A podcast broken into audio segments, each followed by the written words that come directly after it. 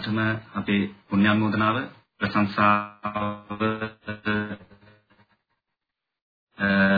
පාලකරමින් අද දිනේ අපි දේශනය ආරම්භ කරනවා ඔබ වහන්සේලාට ඇහෙනව නේද? එහෙමයි පඬිතුන්.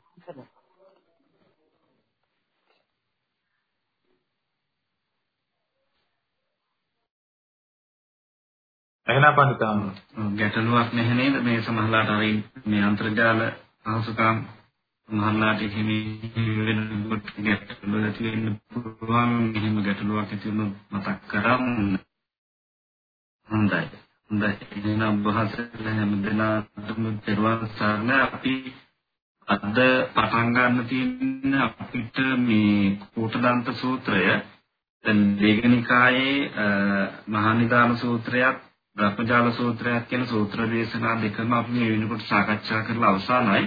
අද අපිට දිවන්තසොට අර මහානිදාන සූත්‍රය ඒ වගේම බ්‍රහ්මජාල සූත්‍රය වගේම කෝටදන්ත එතකොට යාගය පිළිබඳව කුටදන්ත බමුණා විසින් බුදුරජාණන් වහන්සේගෙන් විමසපු ප්‍රශ්නයක් මූලික කරගෙන මේ සූත්‍ර දේශනාව ඉදිරියට ගලාගෙන යන සූත්‍ර දේශනාව දේශනාවෙන් මේ සූත්‍ර දේශනාව තුළ ඇතුළත් කරුණු කාරණා අන්තර්ගතයේ තුළ විචාරාත්මකව අධ්‍යයනය කරන්න පුළුවන් පැතිකඩයන් කිහිපයක්ම කෝට්ටාන්ත සූත්‍ර දේශනාව තුළ අන්තර්ගත වෙලා තියෙනවා.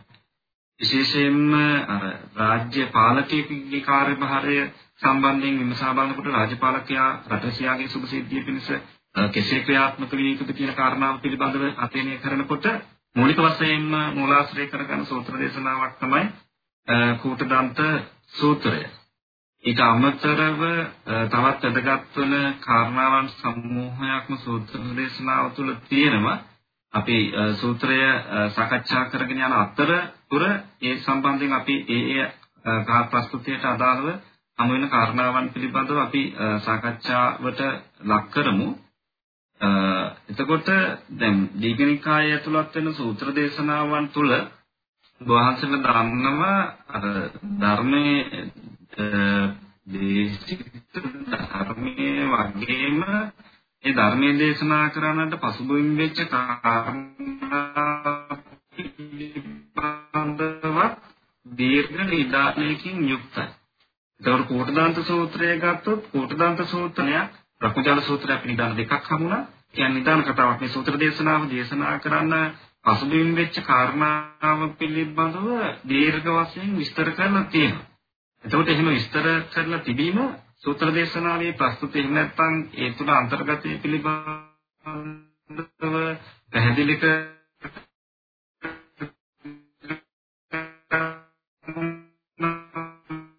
වටහා ගන්න උපයෝගීව පවතින නිසා ධර්ම සංග්‍රහකයන් වහන්සේලා ඒ ධර්ම සංගායනාවේදී ඒ සූත්‍ර දේශනාව ඒ වගේම සූත්‍ර දේශනාවට පසුබිම් වෙච්ච කාරණාවනොත් දකින්න පුළුවන්කම තියෙනවා. මේ කියන කුටදන්ත සූත්‍රයක් දේශනාවට ලක් වෙලා තියෙන්නේ අර රත්නජාලසය ආශ්‍රිතවම කියන සූත්‍ර දේශනාවදී අපිට හඳුනා ගන්න පුළුවන්. මම කුටදන්ත සූත්‍රය බොහෝසර ළඟ පොත්පත් ඒ සූත්‍ර දේශනාවට අදාළව ළඟ ඇති. අපි එහෙමනම් පෙළගත් කර්ම කාරණා තියෙනවා නම් අර පෙළ සූත්‍ර අධ්‍යයනය සිද්ධ කළා වගේම හොඳයි. එතකොට සූත්‍ර දේශනාව ආරම්භ වෙන්නේ ඒවම් මේසුතං කියන පාඨයෙන්. ඒවම් මේසුතං ඒකං සමයං භගවා මගදේශ චාරිකං චරමානෝ. අර බ්‍රහ්මජාල සූත්‍රයේදී හමුණා වගේම බුදුරජාණන් වහන්සේ මගධ දනව්වෙහි මහත් වූ භික්ෂු සංඝයා පිරිවරාගෙන 500ක් පමණ වූ මහත් භික්ෂු සංඝයා පිරිවරාගෙන ජනපද චාරිකාවේ හැසිරෙන කාලයක අවස්ථාවක යේන කානුමතං නාම මගදානං බ්‍රාහ්මණ ගාමෝ තදවසති. කානුමත නම් වූ මගධ මගධ රට වූ කානුමත නම් වූ බ්‍රාහ්මණ ගාමයට වැඩම කළසේක පිවිසිසේක. එතකොට බුදුරජාණන් වහන්සේ මේ කානුමත කියන බ්‍රාහ්මණ ගාමයට වැඩම කළා. සතරසුදම් භගවා කානුමතේ විහෙරති අම්බලට්ටිකාය. මේ අම්බලට්ටිකාව කියන එක අපිට බ්‍රහ්මජාල සූත්‍රයේදීත් හම්බ වුණා. අම්බලට්ටිකා කියලා කියන්නේ උද්‍යානයක්. එතකොට ඒ උද්‍යානය මගධේ පාලනය කරපු බිම්බිසාර රජතුමාට අයත් වෙච්ච විවේකයේ සඳහා පරිහරණය කරපු ස්ථානයක්. ශ්‍රමණ බ්‍රාහ්මණයන්ගේ විවේක ස්ථානයේ හැටියටත් එහෙම නැත්නම් නිවාස ස්ථානයක් හැටියට తాවකාලික නිවාස ස්ථානයක් හැටියටත් මේ කියන ස්ථානය භාවිත වෙලා තියෙනවා. දැන් අම්බලට්ටිකා කියන නම මේ උද්‍යානයට ලැබිලා තියෙන්නේ මේ උද්‍යානයට ප්‍රවේශ වන දොරටුව සමීපයේ. සාමාන්‍ය ප්‍රමාණයට වැඩි වැඩිච්ච අඹ ගහක් තිබිලා තියෙනවා. ඒ අඹ ගහේ අනුසාරයෙන් තමයි මේ උද්‍යානයේ අඹලට්ටිකා කියන නමින් නම් කරලා තියෙන්නේ. එතකොට අර ග්‍රාම නාමකරණය එහෙම නැත්නම් ස්ථාන නාමකරණය, ඔව් පුද්ගල නාමකරණය කෙරෙහි යම් යම් කාරණා පසුබිම් වෙන්නේ කොහොමද කියන එක පිළිබඳව අධ්‍යයනය කරනකොට ඒ කියන කාරණාව ඉතාමත්ම වැදගත්. ඒ කියන්නේ ලංකාවේ වුණත් සමහර ග්‍රාම නාමයන් සිද්ධ කරනකොට යම් යම් ඒ සුවිශේෂී කරුණු මූලික කොටගෙන සිද්ධ වෙලා තියෙනවා කියන එක පේනවා. ඉතින් මේ අම්බලට්ටිකාව නම් මේ කියන උද්‍යානය නම් කරලා තියෙන්නේ ඒ අනුසාරයෙන්.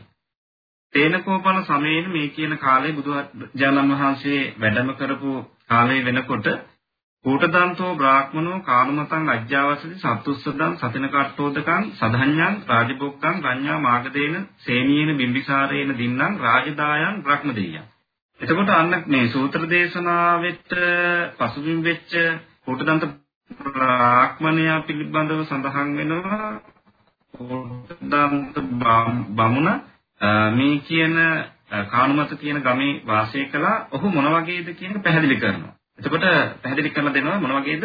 ප්‍රඥා මාර්ගදේන සේනියෙන් බිම්බසාරයෙන් දින්නා. මගධාධිපති සේනිය බිම්බිසාර රජු විසින් දුන් රාජදායම්. රාජදායාද වූ බ්‍රහ්මදෙයයන් ශ්‍රේෂ්ඨ ත්‍යාග වූ. මේ බ්‍රහ්ම කියන වචනය විවිධ අර්ථවල භාවිත වෙලා තියෙනවා. දැන් බ්‍රහ්මජාල සූත්‍රයේදී අපිට හම්බ වුණා බ්‍රහ්ම කියන පදයට එක්ක ජාල කියන පදේ සම්බන්ධ වෙලා බ්‍රහ්මජාල නමින් එතකොට මෙතන බ්‍රහ්ම දෙයිය කියලා සම්බන්ධ වෙලා තියෙනවා. ඒ වගේම බ්‍රහ්මචර්ය කියලා වචනයක් හම්බ වෙනවා. හුදකලාව බ්‍රහ්ම කියන එකෙන් ගත්තොත් අර විශේෂයෙන් මහා බ්‍රහ්මයා එහෙම නැත්නම් බ්‍රහ්මය පිළිබඳව අදහස් වෙන මෙතන බ්‍රහ්ම කියන එක අදහස් වෙලා තියෙන්නේ මේ ශ්‍රේෂ්ඨ කියන අදහසින්. ශ්‍රේෂ්ඨ කියන අර්ථයෙන් තමයි බ්‍රහ්ම කියන පදේ භාවිත වෙලා තියෙන්නේ. උසස් කියන අදහසින්. එතකොට ශ්‍රේෂ්ඨ ත්‍යාග වෙච්ච. එතකොට මගධාධිපති සේනිය බිම්බිසාර රජු විසින් දෙන ලද රාජ දායාද වූ බ්‍රහ්මදේයයන් ශ්‍රේෂ්ඨත්‍යාග වූ සත්තුස්සදං කියලා කියන්නේ බහුජනා කීර්ණෝ. සත්තු කියලා කියනවනේ අර ගල් කණ්ඩායම් වලට. එතකොට මේ ගල් කණ්ඩායම් එහෙම නැත්නම් වෙළඳ ජනයා වෙළඳ කණ්ඩායම් මිනිසුන් විතර යන්නේන ප්‍රදේශයක් හැටියට තමයි මේ කානුමත කියන ප්‍රදේශය සූත්‍ර දේශනාව තුළ දැක්වෙන්නේ. සත්තුස්සදං බහුජනා කීර්ණ වූ සතින කට්ඨෝදකං. තින කට්ට උදක කියන්නේ සහිත. එතකොට තන දැව දිය සහිත. ඒ කියන්නේ මිනිසුන්ගේ මූලික පරිහරණයට අවශ්‍ය භෞතික සම්පත් වලින් සපිරුණු සදහඤ්ඤා ඒ වගේම ධන දාන්නේ සහිත වෙච්ච රාජභෝගකම් රජකුසේ පරිහරණය කළ යුතු කානුමතං අජ්ජාවසති කානුමත නමු මේ කමෙහි වාසය කරයි. එතකොට මේ කූටදන්ත බමුණා මොන වගේ කෙනෙක්ද කියන එක සූත්‍ර දේශනාව තුළ පැහැදිලි කරලා දෙන්න. එතකොට මේ කියන බමුණා නිකම්ම බමුණෙක් නෙමෙයි. එතකොට විශේෂයෙන්ම රාජපූජිත රජවරුන්ගේ පවා ගෞරවාදරයට පාත්‍ර වෙච්ච විශේෂයෙන් මේ ප්‍රදේශයේ පාලනය කරපු මගධේ පාලනය කරපු සේනී බිම්බිසාර රජතුමාගේ ගෞරවාදරයට පාත්‍ර වෙච්ච බමුණෙක් හැටියට තමයි මේ කූටදාන්ත බමුණාව හඳුන්වා දෙන්නේ. එතකොට මෙතනදී වැදගත් කාරණාවක් මතුවෙනවා තත්කාලීන රාජ්‍යපාලකයන් රාජ්‍ය පාලනයේදී ඒ ඒ ප්‍රදේශාශ්‍රිතව ජීවත් වෙච්ච ප්‍රබුද්ධ ජනයා එකීමට පාත්‍ර කරලා තියෙනවා. විශේෂයෙන් මේ රාජ්‍ය පාලනයේ සුවපහසුව මනාව විධිමත්ව පවත්වා ගැනීම සඳහා ඒ වගේම ඒ ඒ ප්‍රදේශවල ජීවත් වෙච්ච ජනයාගේ ගෞරව ආදරයට පාත්‍ර වෙච්ච පිරිසට වටිනාකමක් ලබා දීම අරමුණු කොටගෙන රජ විසින් ඒ අයට ලොකු වටිනාකමක් හිමි කරලා දීලා තියෙනවා. ඒක රාජ්‍ය පරිපාලකයෙක් හැටියට ගත්තට පස්සේ ඒ තුල තියෙන ප්‍රයෝගීතාව තමයි මේ යම් යම් කරදර බාධක උදුරු ඇති වෙන අවස්ථාවලදී පහසුවෙන්ම මෙවැනි පුද්ගලයන්ගේ සහයෝගී උපකාරීත්වය රාජ්‍ය පරිපාලකයාට හිමි කර ගන්න පුළුවන්. ඒ විශේෂයෙන්ම දැන් මේ වර්තමානයේ ඇති වෙලා තියෙන කොරෝනා උදුරු තත්ත්වයක් එක්ක ඒ ඒ රටවල් වල රාජ්‍ය පාලනයට අවශ්‍ය කරන මූල්‍ය සම්පත් එහෙම නැත්නම් භෞතික සම්පත් සපුරා ගැනීමට යමක් කමක් ඇති ව්‍යාපාරිකයෝ ආදී අය පවතින රජයන්ට උදව් කරනවා. එතකොට පවතින සහන ලබා දීම වශයෙන් හෝ රාජ්‍යපාලකයා විසින් ක්‍රියාත්මක කරලා තියෙනවා. ඒ රාජපාලකයා එහිදී අනුගමනය කරපු ක්‍රමවේදයක් තමයි ඒ ඒ ප්‍රදේශාශ්‍රිතව ඉන්න සම්භාවනීය පුද්ගලයන්ට ගම්වර ප්‍රද කරනවා සමාන් දැන්. මෙලොව වශයෙන් අවශ්‍ය කරන භෞතික සමන්ගේ එතකොට ඒ අනුව කුටදන්ත බමුණා තමන්ගේ විශේෂයෙන් මේ බ්‍රාහ්මණ ඇදහිල්ල බ්‍රාහ්මණ විශ්වාසයටත් අනුකූලව ඔහු විසින් මහා යාගයක් පැවැත්වීම සඳහා සූදානම් වෙලා තියෙනවා. එතකොට මේ යාගයට කුටදන්ත බමුණ මහා යඤ්ඤෝ උපක්කටෝ හෝති. මහා යාගයක් උපක්කටෝ කියලා කියන්නේ පිළියෙල කරන ලද්දේ වේ. මහා යාගයක් පිළියෙල කරන ලද්දේ වේ. එතකොට මේ යාගය සඳහා සත්තච උසබ සතානි බොන්නු 700ක් සත්තච වච්චතර සතානි නාමු වස්සෝ 700ක් ඒ වාගේම සත්තච වච්චතර තරී සතානි නාම්බු වැස්සියන් 700ක් සත්තච අජසතානි එළුවන් 700ක් සත්තච උරබ්බ සතානි බැටළුවන් 700ක් යඤ්ඤත්ථාය තූපු තූනෝපනීතානි හොಂತಿ. යාගයේ සඳහා යාගස්තම්භය කරා පමුණුන ලද්දේ වෙයි. එතකොට මේ කියන කූටදන්ත බමුණ මහා යාගයක් කිරීමේ අදහසින් යුක්තව යාගයක් කරනු කැමැතිව ඒ ඒ සත්වයන්ගෙන් 700 බැකින් වූ විශාල සත්ව පිරිසක් ඒ අවශ්‍ය කරන සියල්ලම අනිකුත් ද්‍රව්‍යයන් සහිතව මේ යාගා වාටයක් සකස් කරලා ඒ යාගස්තම්භය වෙත සචේතනික අචේතනිකේ සියලු වස්තුන් පමුණුවලා යාගයක් කිරීමේ බලාපොරොත්තු වීම තමයි බුදුරජාණන් වහන්සේ මේ ප්‍රදේශයට වැඩම කරනකොට පසු වෙලා තිබ්බේ. ඒ බුදුරජාණන් වහන්සේ කානුමත දනාවුවට වැඩම කළාට පස්සේ අස්සෝසුංකෝ කානුමතකා බ්‍රාහ්මණ ගහපතිකා. මේ කානුමත ගම්වැසි බ්‍රාහ්මණයන්ට ඒ වගේම බ්‍රාහ්මණයෝද ගෘහපතියෝද මෙන්න මේ වගේ යම් පුවතක් ඇසූහ. මොකක්ද අසපු දේ? සමනෝ කනුබෝ ගෝතමෝ සක්්‍ය පුත්තෝ සක්්‍ය කුලා පබ්බජිතෝ මග්ගදේශචාරකං චරමානෝ මහතා වික්ඛු සංඝේල සද්දෙන් පංචමත්තේහි වික්කුසතේහි කානුමතං අනුප්පත්තෝ කානුමතේ විහෙරති අම්බලට්ටිකාය. ශාක්‍ය කුලයෙන් නික්ම පැවිදි වෙච්ච ශාක්‍ය පුත්‍ර වෙච්ච ශ්‍රමණ බවත් ගෞතමයන් වහන්සේ ආංශියක් පවන මහත් වික්ෂු සංඝයා සමග මගධනාවේ චාරිකාවේ හැසිරෙනසේ කානුමත දනව්වට පැමිණියේ අම්බලට් කානුමතේ කානුමත ගමෙහි අම්බලට්ටිකාවෙහි වැඩ වාසය කරනසේක. එතකොට මේ භවත් ගෞතමයන් වහන්සේ පිළිබඳව තංකෝපන භවන්තං ගෝතමං ඒවං කල්යාණෝ කිතිසතු අභුග්ගතෝ. ඒ බවත් ගෞතමයන් වහන්සේ පිළිබඳව මෙබඳු යහපත් ක්‍රීර්තිරාවයක් ඇති වෙලා තියෙනවා. මොන වගේ ක්‍රීර්තිරාවයක්ද? ඉතිපිස්සෝ භගව අරහං සම්මා සම්බුද්ධෝ විචාචන සම්පන්නෝ යනාදි වශයෙන් වෙන ඒ නවරහාදී බුදුගුණ පිළිබඳව අදහස මේ කියන ප්‍රදේශයේ මිනිස්සුන් අතර පැතිරලා ගියා. ඒත් එක්කම උන්වහන්සේ මොන වගේ ධර්මයක්ද දේශනා කරන්නේ? සෝ ඉමං ලෝකං සදේවකං සමාරකං සබ්‍රාහ්මකං. උන්වහන්සේ දෙවියන් මරුන් බඹුන් සහිත මේ ලෝකය. දෙවියන් මරුන් බඹුන් සහිත මේ ලෝකය. ඒ වගේම සස්සමන බ්‍රාහ්මණින් පජං සදේව මනුස්සං. ශ්‍රමණ බ්‍රාහ්මණයන් දෙව් මිනිසුන් සහිත ප්‍රජාව. ඒ කියන්නේ මෙතනදී අවධාරණය කරන්නේ අර ඕකාස ලෝකයක් සත්ව ලෝකයක්. කියන මේ ලෝක දෙක පිළිබඳවම බුදුරජාණන් වහන්සේ තමන් වහන්සේ විසින්ම සයන් අභිඤ්ඤා සච්චිකත්වා පරිදේති තමන් වහන්සේ විසින්ම විශිෂ්ටෝ නුවණින් දැන සාක්ෂාත් කොට දේශනා කරනවා. සත්ව ලෝකයේ පිළිබඳවත් මේ අවකාශ ලෝකයේ පිළිබඳවත් උන්වහන්සේ විසින්ම විශිෂ්ටෝ නුවණින් දැන උන්වහන්සේ ධර්මයක් දේශනා කරනවා ලෝකයට කියලා දෙනවා. සෝ ධම්මං දේශීති ආදි කල්යාණං මජ්ජේ කල්යාණං පරියෝසాన කල්යාණං සාත්තං සබ්බ්‍යංජනං කේවල පරිපූර්ණං උන්වහන්සේ මුල මැද අග්‍රේ හපාතු ආර්ථව්‍යයෙන් යුක්ත සම්පූර්ණයෙන් පිරිපුණු ධර්මයක් දේශනා කරනවා. පරිසුද්ධං භ්‍රමචරි සාධකෝපන තථා රූපාණං අරහතීම හොඳයි. එතකොට දැන් අද හෝ වන් විදුලියෙන් හෝ දැන්වීම පළ කරලා යමක් පිළිබඳව ප්‍රකට කිරීමක් ප්‍රසිද්ධ කිරීමක් එදා සමාජයේ තිබෙන්නේ නැහැ. හැබැයි තත්කාලීන සමාජයේ මිනිස්සුගේ බොහෝ ක්‍රියාකාරකම් සාමූහික වශයෙන් අර්ථවත් වුණේ. එතකොට මිනිස්සු සාමාන්‍යයෙන් සාමූහික දිවි පැවැත්මක් තුළ කටයුතු කරපු නිසා යමක් පිළිබඳව තොරතුරු සමාජගත වෙන්න මිනිසුන් අතර ඉන්න. කටින් කට ගිහිල්ලා තොරතුරු ව්‍යාප්ත වෙන්න ලොකු අවකාශයක් තිබ්බා. ඒත් එක්කම මේ ඒ ප්‍රදේශවලට ශ්‍රමණ බ්‍රාහ්මණයන් විශේෂිත ශ්‍රමණ බ්‍රාහ්මණයන් පැමිණිච්ච වෙලාවට ඒ විශේෂයෙන් පැමිණිච්ච අය පිළිබඳව කතා බහ කිරීම, ඔවුන්ගේ හමුවට යෑම, ඔවුන්ගේ ධර්මීය උන්වහන්සේලාගේ ධර්මීය ශ්‍රවණය කිරීම සහ Tamanට ඇතිලා තියෙන ප්‍රශ්න ගැටළු විසඳ ගැනීම කියන එක සාමාන්‍යයෙන් චාරිත්‍ර ධර්මයක් හැටියට එදා කාලේ සමාජය තුළ ක්‍රියාත්මක වෙලා තියෙනවා. ඉතින් ඒ අනුව දැන් බුදුරජාණන් වහන්සේ මේ කාලමත දනව්වට වැඩම කළාට පස්සේ අර උන්වහන්සේ පිළිබඳව ගුණ ඇගීමක්. එහෙම නැත්නම් බුදුරජාණන් වහන්සේ පිළිබඳව හඳුනා ගැනීමක් සහ වටිනාකමක් උන්වහන්සේ සම්බන්ධයෙන් ලබා දුන්න ආකාරය. එතකොට එහිදී සලකා බලනවා උන්වහන්සේ මොන වගේ කෙනෙක්ද? එතෙන්ද කියන්නේ ශාක්‍ය පුත්‍රයෙක් ශාක්‍ය කුලයෙන් නිකුත් පැවිදි වෙච්ච කෙනෙක්.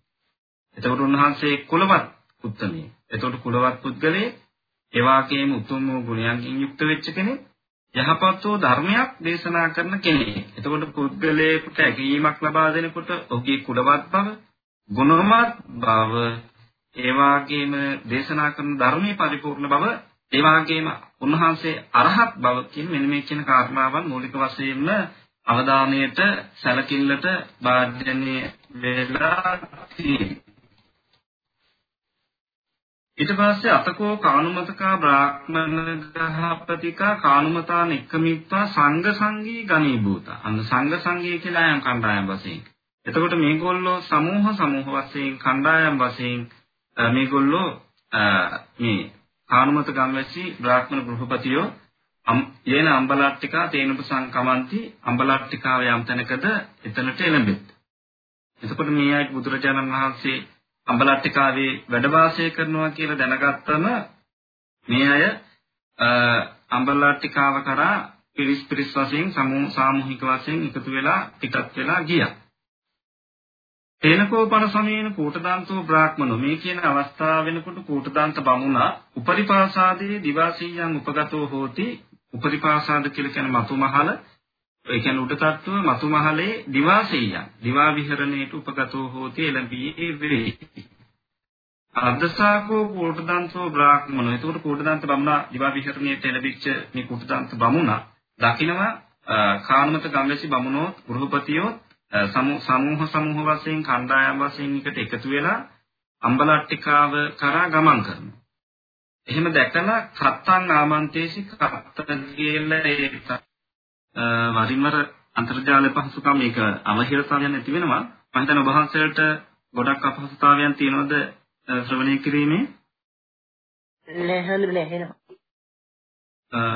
වරින් වර කඩ වෙන එක ගැටලුවක් නම් අපිට වෙන පහසු වෙලාවක එහෙමනොත් මේ දේශනය කරන්න පුළුවන් මට ගැටලු නිතරතර මම පන්සලේ ඉන්න දවසට ටිකක් අන්තර්ජාල පහසුකම් අඩුයි මට කොළඹදී නම් ගැටලුව නැහැ අපි කරමු හඳුනේ. ඔව්. මේ ඔව් එහෙම වරින් වර ගැටලු මතුවුනොත් ඔබ වහන්සේට පොඩ්ඩක් මට සිහිපත් කරන්න. එහෙම දැනට එහෙම ගැටලුවක් නැත්නම් අපිට මේ විදිහට කරගෙන යන්න පුළුවන්. හරි එතකොට මේ මේ කියන පුද්ගලයා කෝට්ටදාන්ත බමුණට පිළිතුරු දෙනවා මේ අය ඒ බවත් ගෞතමයන් වහන්සේ දැකීමට එළඹෙති පැමිණෙති කියන කාරණාව සිහිපත් කරනවා. එතකොට කෝට්ටදාන්ත බමුණාට මෙන්න මේ වගේ අදහසක් ඇති වෙනවා. අතකෝ කෝට්ටදාන්තස්ස බ්‍රාහ්මණස්ස ඒතද හොස්. ගතේ ත්‍රිවේදී පිළිපදව පරතරට ගියපු කෙනෙක්, යාගයේ පිළිපදව විශේෂයෙන්ම ඇලුම් කරපු කෙනෙක්, ඒ වගේම මෙලෝ පරලෝ සුභ සිද්ධිය පිණිස යාගයේ කරනු කැමැති වෙච්ච කෙනෙක්. එතකොට ඒ කාලේ එතකොට මේ යාග්‍යයත් එක්ක සම්බන්ධ වෙච්ච අදහසක්. විශේෂයෙන් එතකොට මේ කුටදන්ත බමුණා එතකොට බ්‍රාහ්මණික හැටියට මේ යාගය සම්බන්ධයෙන් අහලා තිබිච්ච කාරණාවක්. හැබැයි ඔහු දැනගෙන හිටියේ නැති කාරණාවක් පිළිබඳව සිහිපත් කරනවා. සුතංකෝපන මේතං සමනෝ ගෝතමෝ ත්‍රිවිධං යඤ්ඤ සම්පදං සෝලස පරික්කාරං ඥානාති. ශ්‍රමණ ගෞතමයන් වහන්සේ ත්‍රිවිධං යාග සම්පදං. යාගයට අදාළ ත්‍රිවිධ යාග සම්පත්තිය. ත්‍රිවිධං යඤ්ඤ සම්පදං ත්‍රිවිධ යාග සම්පත්තිය සෝලස පරික්කාරං පිරිවර සොලසක්. ඒ යාගයට අදාළ වූ පිරිවර සොලසක් ජානාති. දනි දනි යන මෙය සුතං කෝපන මේතං මෙය මා විසින් අසන ලදී. නකෝපනහං ජානාමි ත්‍රිවිධං යඤ්ඤ සම්පදං. අහං පන මම වනාහි ත්‍රිවිධ සම්පත්තිය සොලොස් පිරිකරත් නොදනි. ඉච්ඡාහං මහායඤ්ඤං යජිතුම් මහා යාගයක් යෙදීමටද කැමැත්තෙමි. යන්නෝනාහං සමනං ගෞතමං උපසංකමිත්වා ත්‍රිවිධං යඤ්ඤ සම්පදං සෝලස පරික්කාරං පුච්චේය. මම බුදුරජාණන් වහන්සේ වෙත එළඹ ත්‍රිවිධ යාග සම්පත්තියත් සෝලස් පිරිකරත් විමසන්නෙම් නම් මැනව. අන්න එතකොට මේ කෝටදාන්ත බමුණා ඒ වගේම මේ කියන කානුමත ගම් ප්‍රදේශයේ වාසය කරපු මේ බ්‍රාහ්මණයනුරට සමුද්‍රමත් වෙනා හිටියද කියන එක පැහැදිලිද? ඒ කියන්නේ නොදන්නා දෙයක් දන්නා කෙනෙක්ගෙන් අහලා දැන ගැනීම උතුම් දෙයක් හැටියට ඒ අය කල්පනා කරලා තියෙනවා. ඒ වගේම යමක් අර්ථවත් විදියට सिद्ध කරන්න පුළුවන් තරම් උත්සාහවත් වෙන්න ඕන කියන අදහස තුළ මේ අය කටයුතු කරලා තියෙනවා. විශේෂයෙන්ම මේ කෝටදාන්ත බමුණා කියලා කියන්නේ උගත් බමුණෙක් වගේම මහා ගුණයක් තිබිච්ච ගුණවත් බ්‍රාහ්මණයෙක් හැටියට මේ සූත්‍ර දේශනාව තුළ අපිට හඳුනා ගන්න පුළුවන්කම තියෙනවා. එය සනාත කරන පැහැදිලි කරන එක සාධකයක් තමයි ඒ තමන් නොදන්නා දේ බුදුරජාණන් වහන්සේ විසින් දැනගත යුතුයි කියලා කල්පනා කිරීම. එතකොට මේ අතරෙදි එතකොට මේ අදහසත් එක්ක හෝ කත්තට කියනවා අතකෝ කූටදන්තෝ බ්‍රාහ්මනෝ කත්තං ආමන්තේසී කත්ත කියන සේවකයාට අමතලා කියනවා තේන හිබෝ කත්තේ යේන කානුමතකා බ්‍රාහ්මණ ගහපතිකා තේන සංකම. ඒ බ්‍රාහ්මණ කානුමත ගම්මේස බ්‍රාහ්මණ ගෘහපතියන් වෙත යන්න ගිහිල්ලා ඒ අයට කියන්න කූටදන්තෝකෝ බ්‍රාහ්මනෝ ඒව මාහ. කූටදන්ත බමුණා මෙසේ කියයි. ආගමින්තු කිර භවන්තෝ. කූටදන්තෝපි බ්‍රාහ්මනෝ සමනං ගෝතමන් දසනාය උපසංකමිස්සති. බවත් වූ එහෙම නැත්නම් පින්වත් වූ මදක් රැඳී සිටිත්වා කෝටදන්ත බමුණාද ශ්‍රමණ ගෞතමයන් වහන්සේ දැකීමට එළඹෙන්නේ. කෝටදන්ත බමුණත් බුදුහාමුදුරු බැහැ දකින්න යනවා. ඒ නිසා පොඩ්ඩක් රැඳී සිටින්න කියලා කියන්න කියලා. ඒ අනුව ඒ පණිවිඩය දැනුවත් කිරීම කරනවා. එතකොට සාමාන්‍යයෙන් ජනප්‍රදානියෙක් එහෙම නැත්නම් මේ ගම් ප්‍රදේශයේ ජීවත් වෙච්ච ප්‍රදානියෙක් හැටියට කෝටදන්ත බමුණ කල්පනා කරනවා තමන් තනියෙන් යන එක හොඳ නැහැ. අර පිරිසක් පිරිවරාගෙන යන එක හොඳයි කියලා කල්පනා කරලා ඒ තමයි මේ සත්‍යහරහා ඒ අයට ලබා දෙන්නේ.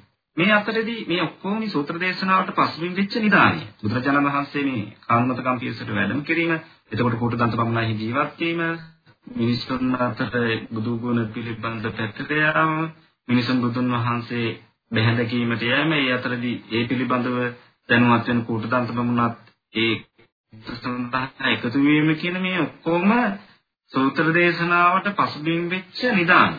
ඉතින් නිදානේ ටිකක් දුරට විහිදලා යනවා කෝටදන්ත මේකත් එක්ක එකතු වෙලා. එතකොට මේ කෝටදන්ත ගුණ කතා කොටසෙදී අර බමුණන් පේසක් විසින් කෝටදන්ත බමුණා තුළ තියෙන ගුණ පිළිබඳව ඇගීමක් තමයි කෝටදන්ත ගුණ කතාව තුළ සිද්ධ වෙන්නේ. එතකොට මේ කොටස ඉතාමත් වැදගත්. දැන් සාමාන්‍යයෙන් සමාජීය ජීවත් වෙන පුද්ගලයෙකුට මිනිසුන් විසින් ඇගීමක් ලබා දෙනකොට ඒ දෙයින් ලබා දීම සඳහා භාවිත කරන යම්කිසි නිර්ණායක සමූහයක් තියෙනවානේ. එතකොට යම්කිසි නිර්ණායක පද්ධතියකට අනුකූලව තමයි කෙනෙකුට වටිනාකමක් ලබා දීම සිද්ධ වෙන්නේ. එතකොට මෙතනදී කෝටදාන්ත බමුණාට සමාජයේ ජීවත් වෙච්ච මිනිස්සු විසින් වටිනාකමක් දුන්න නම් ඒ වටිනාකම දීමට උපයෝගී කරගත් හේතු සාධක එනතන් කාරණා මොනවාද කියන එක මෙහිදී පැහැදිලි කිරීමකට ලක් කරනවා මේ කෝටදාන්ත ගුණ කතා කියන කොටසෙන්. තේනකෝපන සමයේන අනේකානි බ්‍රාහ්මන සතානි කානුමතේ පටිවසන්ති කූටදන්තස්ස බ්‍රාහ්මනස්ස මහායඤ්ඤං අනුභවිස්සාමාති. එතකොට ඒ කියන කාලපරාසය තුල නොඑක් බමුණෝ කෝටදාන්ත බමුණාගේ මහා යාගයේ අනුභව කරන්නෙමු යයි කානුමතේ කානුමත ගමෙහි වාසය කරති. එතකොට මේ කෝටදාන්ත බමුණ යාගයක් කරනවා කියලා දැනගත්ත විශාල බමුණු පිරිසක් ඒ යාගය අනුභව කිරීම සඳහා ඒ ප්‍රදේශයට ඒක රාශී වෙලා හිටියා. ඒ අයට අහන්න ලැබුණා කූටදන්ත බමුණ බුදුරජාණන් වහන්සේ බෙහෙද කීමට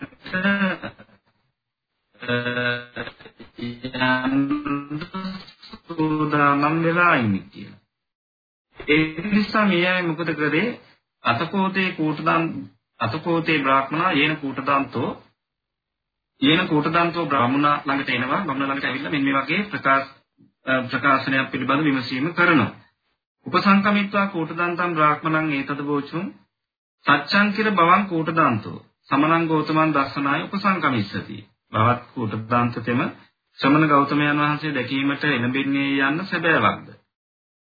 ඒවං කෝමි භෝ හෝති අහම්පි සමනං ගෞතමං දස්සනාය උපසංකමිස්සාමි. භවත්නි එසේය මමද ශ්‍රමණ ගෞතමයන් වහන්සේ දැකීමට එළඹෙන්නේ එළඹෙන්නේ යන මේ අදහස මට වෙයි. කියලා එතකොට කුටදන්ත බමුණා තමන්ගේ අදහස පිළිබඳව පෙන්වලා දුන්නා. අන්න එතනදී මේ බමුණු පිරිස උත්සාහ කරනවා කුටදන්ත බමුණ බුදුරජාණන් වහන්සේට වඩා උසස්. ඒ නිසා බුදුරජාණන් වහන්සේ තමයි කුටදන්ත බමුණ ළඟට එන්න ඕනේ. එහෙම නැතුව බුදුහාමුදුර ළඟට කුටදන්ත බමුණා යා යුතු වන්නේ නැහැ කියන කාරණාව කුටදන්ත බ්‍රාහ්මණයාට ඒත්තු ගන්නවා. දැන් ඔහුට කියන්න උත්සාහ කරනවා ඔබ මේ වගේ කෙනෙක් ඒ නිසා ඔය වගේ ගමනක් යෑම ඔබට සුදුසු වෙන්නේ නැහැ කියන එක. සාමාන්‍ය සමාජයේ කවුරු හරි කෙනෙක් තමන් පිළිබඳව වටිනාකමක් දෙනකොට සාමාන්‍ය කියන්නේ වඩා බුද්ධිමත් නොවූ පුද්ගලයාගේ ලක්ෂණය තමයි ඒ ගුණ වර්ණාවෙන් අන්ධ භාවයටපත් වීම. එහෙම නැත්නම් ඒ ගුණ වර්ණාවෙන් අධික වූ මාන්නයකටපත් වීම සාමාන්‍ය පුද්ගලයෙක්ගේ ලක්ෂණය. හැබැයි මේ කියන ගුණ වර්ණාව නිසා කූට්තාන්ත බමුණා එබඳු අනුචිත වූ මාන්නයකටපත් උනේ නැහැ කියන එක සූත්‍ර දේශනා තුළ දකින්න පුළුවන්. අපි බලමු කොයි විදිහටද කූට්තාන්ත බමුණා පිළිබඳව මේ කියන බමුණු පිරිස ඇගීමක් ලබා දෙන්නේ කියලා. එතකොට මේ අය කියනවා මා භවං කූට්තාන්තෝ සමනං ගෝතමං දසනාය උපසං කන්නි. එතකොට මේ ක්‍රියාව අතීත කාල ක්‍රියාවක් වුණාට අතීතාර්ථයක් නෙමෙයි ගෙනින්නේ මේක මා කියන නිපාතයත් එක්ක සම්බන්ධ වෙලා තියෙනවා. ඒ නිසා මෙයයි කියනවා භවත් පින්වත් කූටදන්ත තෙම ශ්‍රමණ ගෞතමයන් වහන්සේ දැකීමට නොයනබේවා. න මා උපසංකම්ම නොයනබේවා. න අරහති භවන් කූටදන්තෝ සමනං ගෞතමයන් දස්සනාය උපසංකමිතුම්. භවත් පින්වත් කූටදන්ත තෙම ශ්‍රමණ ගෞතමයන් වහන්සේ දැකීමට එළඹීමට සුදුසු නොවේ. ඒකට හේතුවක් ඉදිරිපත් කරනවා සචේපවං කූටදන්තෝ සමනං ගෞතමං දස්සනාය උපසංකමිස්සති. ඉතින් පින්වත් කූටදන්ත දෙන ශ්‍රමණ ගෞතමයන් වහන්සේ දැකීමට එළඹෙන්නේ නම් බෝතෝ කූටදන්තස්සේ යසෝ හායිස්සති. ඔබගේ යසස පිරිහෙනවා. යසස පිරිහෙනවා සමනස්ස ගෞතමස්සේ යසෝ අභිවර්ධති. ශ්‍රමණ ගෞතමයන් වහන්සේගේ යසස විශේෂින් වැඩෙනවා වර්ධනීය වෙනවා. කූටදන්ත වගේ බමුණෙකුත් බුදුහාමුදුරුවෝ බෙහෙ දකින්න ගියානි කියලා බුදුරජාණන් වහන්සේගේ යසස කීර්තිය වඩාත් වැඩි දියුණු වෙනවා කියන එක තමයි මේ බමුණු කියන්නේ. ඉතින් එය ප්‍රකාශ කරනවා කෝටදන්ත බමුණාගේ යසස පිටිහිලා බුදුරජාණන් වහන්සේගේ යසස වැඩිම කියන යමක් සිද්ධ වෙනවා නම් එමිනාපංගේන මේ කරුණින් මේ කියන කාරණාව නිසා න අරහති බවන් කෝටදන්තෝ සමරං ගෞතමන් දස්සනාය උපසංගමිතුම්. ඔබ ඔබතුමා ශ්‍රමණ ගෞතමයන් වහන්සේ දැකීමට සුදුසු වෙන්නේ නැහැ. සමනෝත්වේව ගෝතමෝ ශ්‍රමණ ගෞතමයන් වහන්සේම භවන්තං කූටදන්තං දස්සනාය උපසංකමිතුම් අරහති. භවත් කූටදන්ත තෙම දැකීමට එළඹීමට සුදුසු වෙයි කියලා. එතකොට පළවෙනි කාරණාව හැටියට දක්වන්නේ ඔබ රාජපූජිත කෙනෙක්, ඔබ ගෞරවනීය කෙනෙක්, ඔබ විශිෂ්ට කෙනෙක්, ඔබ වගේ කෙනෙක් බුදුරජාණන් වහන්සේ ළඟට යන්න සුදුසු වෙන්නේ නැහැ. එහෙමනොත් ඔබේ අසස අඩු වෙනවා. බුදුහාමුදුරන්ගේ අසස වැඩි වෙනවා. ඒ නිසා බුදුහාමුදුරන්ගේ කීර්තිය වැඩි කරන්න එතනට යා යුතු වන්නේ නැහැ කියන එක. එතනින් එහාට බලමු මොනවාද මේ ඇගයුම් නිර්ණායක අතර භාවිත වන්නේ කියලා. බවන්හි කූටදන්තෝ උබතෝ සුජාතෝ මාතිතෝච පිතිතෝච. එතකොට මේ කූටදන්ත කියන බමුණා මාතිතෝ මව්පසින් පිතිතෝච පියපසින්. මව්පිය ඔබතෝ කියන්නේ දෙපසින්ම. එහෙනම් මව්පිය දෙපසින්ම සුජාතෝ සුජාතයි. දෙපසින්ම සුජාතයි සංසුද්ධ ගහනිකෝ යාව සත්තමා පිතාමහ යුගා. සත්තමා පිතාමහ යුගා කියලා කියන්නේ සත්වන කුල પરම්පරාව දක්වාම සත්වන මීමුතු પરම්පරාව දක්වාම සංසුද්ධ ගහනිකෝ සංසුද්ධ ගහනික කියලා කියන්නේ පිරිසුදු මව් කුස ඇත්තේ වෙයි. පිරිසිදු මව් කුස ඇත්තේ වෙයි. ඒ කියන්නේ දැන් මේ කූට දන්ත බමුණක් ඒ කූට දන්ත බමුණාගේ අර සත්මුතු පරම්පරාව කියන්නේ ආත්ත මුත්තන අත්ත පනත්ත කිත්ත කිරිකිත්ත කිරික මුත්තාදී වශයෙන් අපේ ජන විවහාරය තුල ඒ සත්මුතු පරම්පරාවක් පිළිබඳව ඒ විදිහට සඳහන් වෙනවා. ඉතින් මේ කියන විදිහට මේ සත්මුතු පරම්පරාවක් දක්වාම අතීතයට අරගෙන ගියොත් අම්මා සහ තාත්තා කියන දෙන්නාගේම ඒ කුලවත්භාවය එකම ආකාරයට පැවතුනා කියන එක තමයි කියන්නේ. ඒ පරම්පරාවේ අය සංසුද්ධ ගහනිකෝ පිරිසුදු මව්කුස ඇති අය එතකොට මේ කියන කූට දන්ත සංසුද්ධ ගහනිකයි පිරිසුදු මව්කුස ඇත්තේ ඒත් එක්කම අක්කිට්ඨෝ අනුපක්ඛ ජාතිය පිළිබඳව කාරණාව පුද්ගලයෙකුට එතේ කියන එක බුදුරජාණන් වහන්සේ ධර්මයේ තුල විශේෂ වශයෙන් ප්‍රකාශයෙන් කියන. ඒ නිසා ජාතිය කියන කාරණාවට වටිනාකමක් දෙන්නේ නැහැ. නමුත් තත්කාලීන සමාජ ක්‍රමයේ තුල ජාතිය කියන එක කෙනෙකුට වටිනාකමක් දෙන මූලික අංගයක්. ලංකාවේ වුණත් ওই වැඩවසන් සමාජ යුගයේ තුල සමාජයේ තුල අර කුලවත්භාවය කියලා කියන එකට ලොකු වටිනාකමක් තිබ්බා. හැබැයි ඒ වැඩවසන් සමාජයේ බිඳ වැටිලා ධනය එහෙම නැත්නම් ආර්ථිකය මුදල මූලික වෙලා මුදල මත වටිනාකමක් දෙන සමාජ ක්‍රමයේ තුල දැන් ජාතිය කියන එක ඊතරම් මුලට කතා කරන එකක් නෙවෙයි. හැබැයි අර වැඩවසන් සමාජ යුගයේ තුලදී ජාතිය කියන එක කෙනෙකුට වටිනාකමක් දෙනකොට ප්‍රමුඛතම කාරණයක් හැටියට තමයි සලකා තිබෙන්නේ. ඒ නිසා ජාතිවාදයෙන් අක්කිට්ටෝ නින්දා නොකරන ලද්දේ. ඒ වගේම අනුපක්කුට්ටෝ ගර්හා නොකරන ලද්දේ. එතකොට මේ කූටදන්ත බමුණා කියලා කියන කෙනා ජාතිවාදයෙන් නින්දා නොලබපු සත්වනි කුල પરම්පරාව දක්වාම උභය කුල පාරිශුද්ධත්වයේ යුක්ත වෙච්ච බ්‍රාහ්මණී කියන කාරණාව මෙහිදී අවධාරණය කරනවා. එතකොට ඒ කාරණාව නිසා බුදුරජාණන් වහන්සේ බෙහෙත් දකින්නට යන්න හොඳ නැහැ. එහෙමනම් අන්න කෙනෙක්ට තත්කාලීන සමාජයේ වටිනාකමක් දෙනකොට පෙරටම ගත්ත දේ තමයි ඔහුගේ කුලය පිළිබඳව අදහස මතුකොට දැක්වීම. ඊළඟට දෙවෙනි කාරණාව මෙතනදී සාකච්ඡා වෙන බවන්හි කූටදන්තෝ අඩ්ඩෝ මහද්දනෝ මහා භෝගෝ පහූත විත්තූපකරණෝ පහූත ජාත රූප රජතෝ එතකොට මොහු නිකම්ම කෙනෙක් නෙමෙයි අර කුලය කියන එක විතරක් තිබ්බට වැඩක් නෑ ධනය කියන එක නැත්තම්. එතකොට මොහුට ධනයෙන් අඩුපාඩුවක් තිබෙත් නෑ.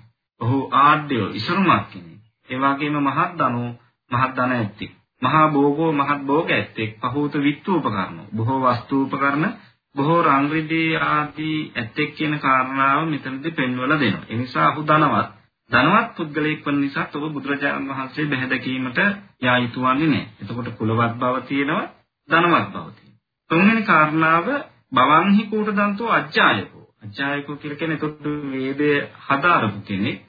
මන්ත්‍රදරෝ වේද මන්ත්‍ර දරන්නේ තින්නම් වේදානම් පාරගෝ සනිගාණ්ඩු කේතු බහණන් නිගණ්ඩු ශාස්ත්‍රයේ කයිතුබ ශාස්ත්‍රයේ සහිත සාකරප්පවේදානම් ශික්ෂා නිරුක්ති සහිත ඉතිහාස පංචපාණන් ඉතිහාසයේ පස්වෙනි කොට ඇති තින්නම් වේදානම් පාරගෝ ත්‍රිවේදෙහි පරතරට ගියේ. එතකොට තත්කාලීන සමාජය තුල බ්‍රාහ්මණයෙක් හැටියට ත්‍රිවේද පාරප්‍රාප්තභාවය අතිශයින්ම අගය කරලා තියෙනවා. ඒ විතරක් නෙමෙයි පද ව්‍යාකරණ ශාස්ත්‍රය දන්නේ ලෝකායත මහා පුරුෂ ලක්ෂණේ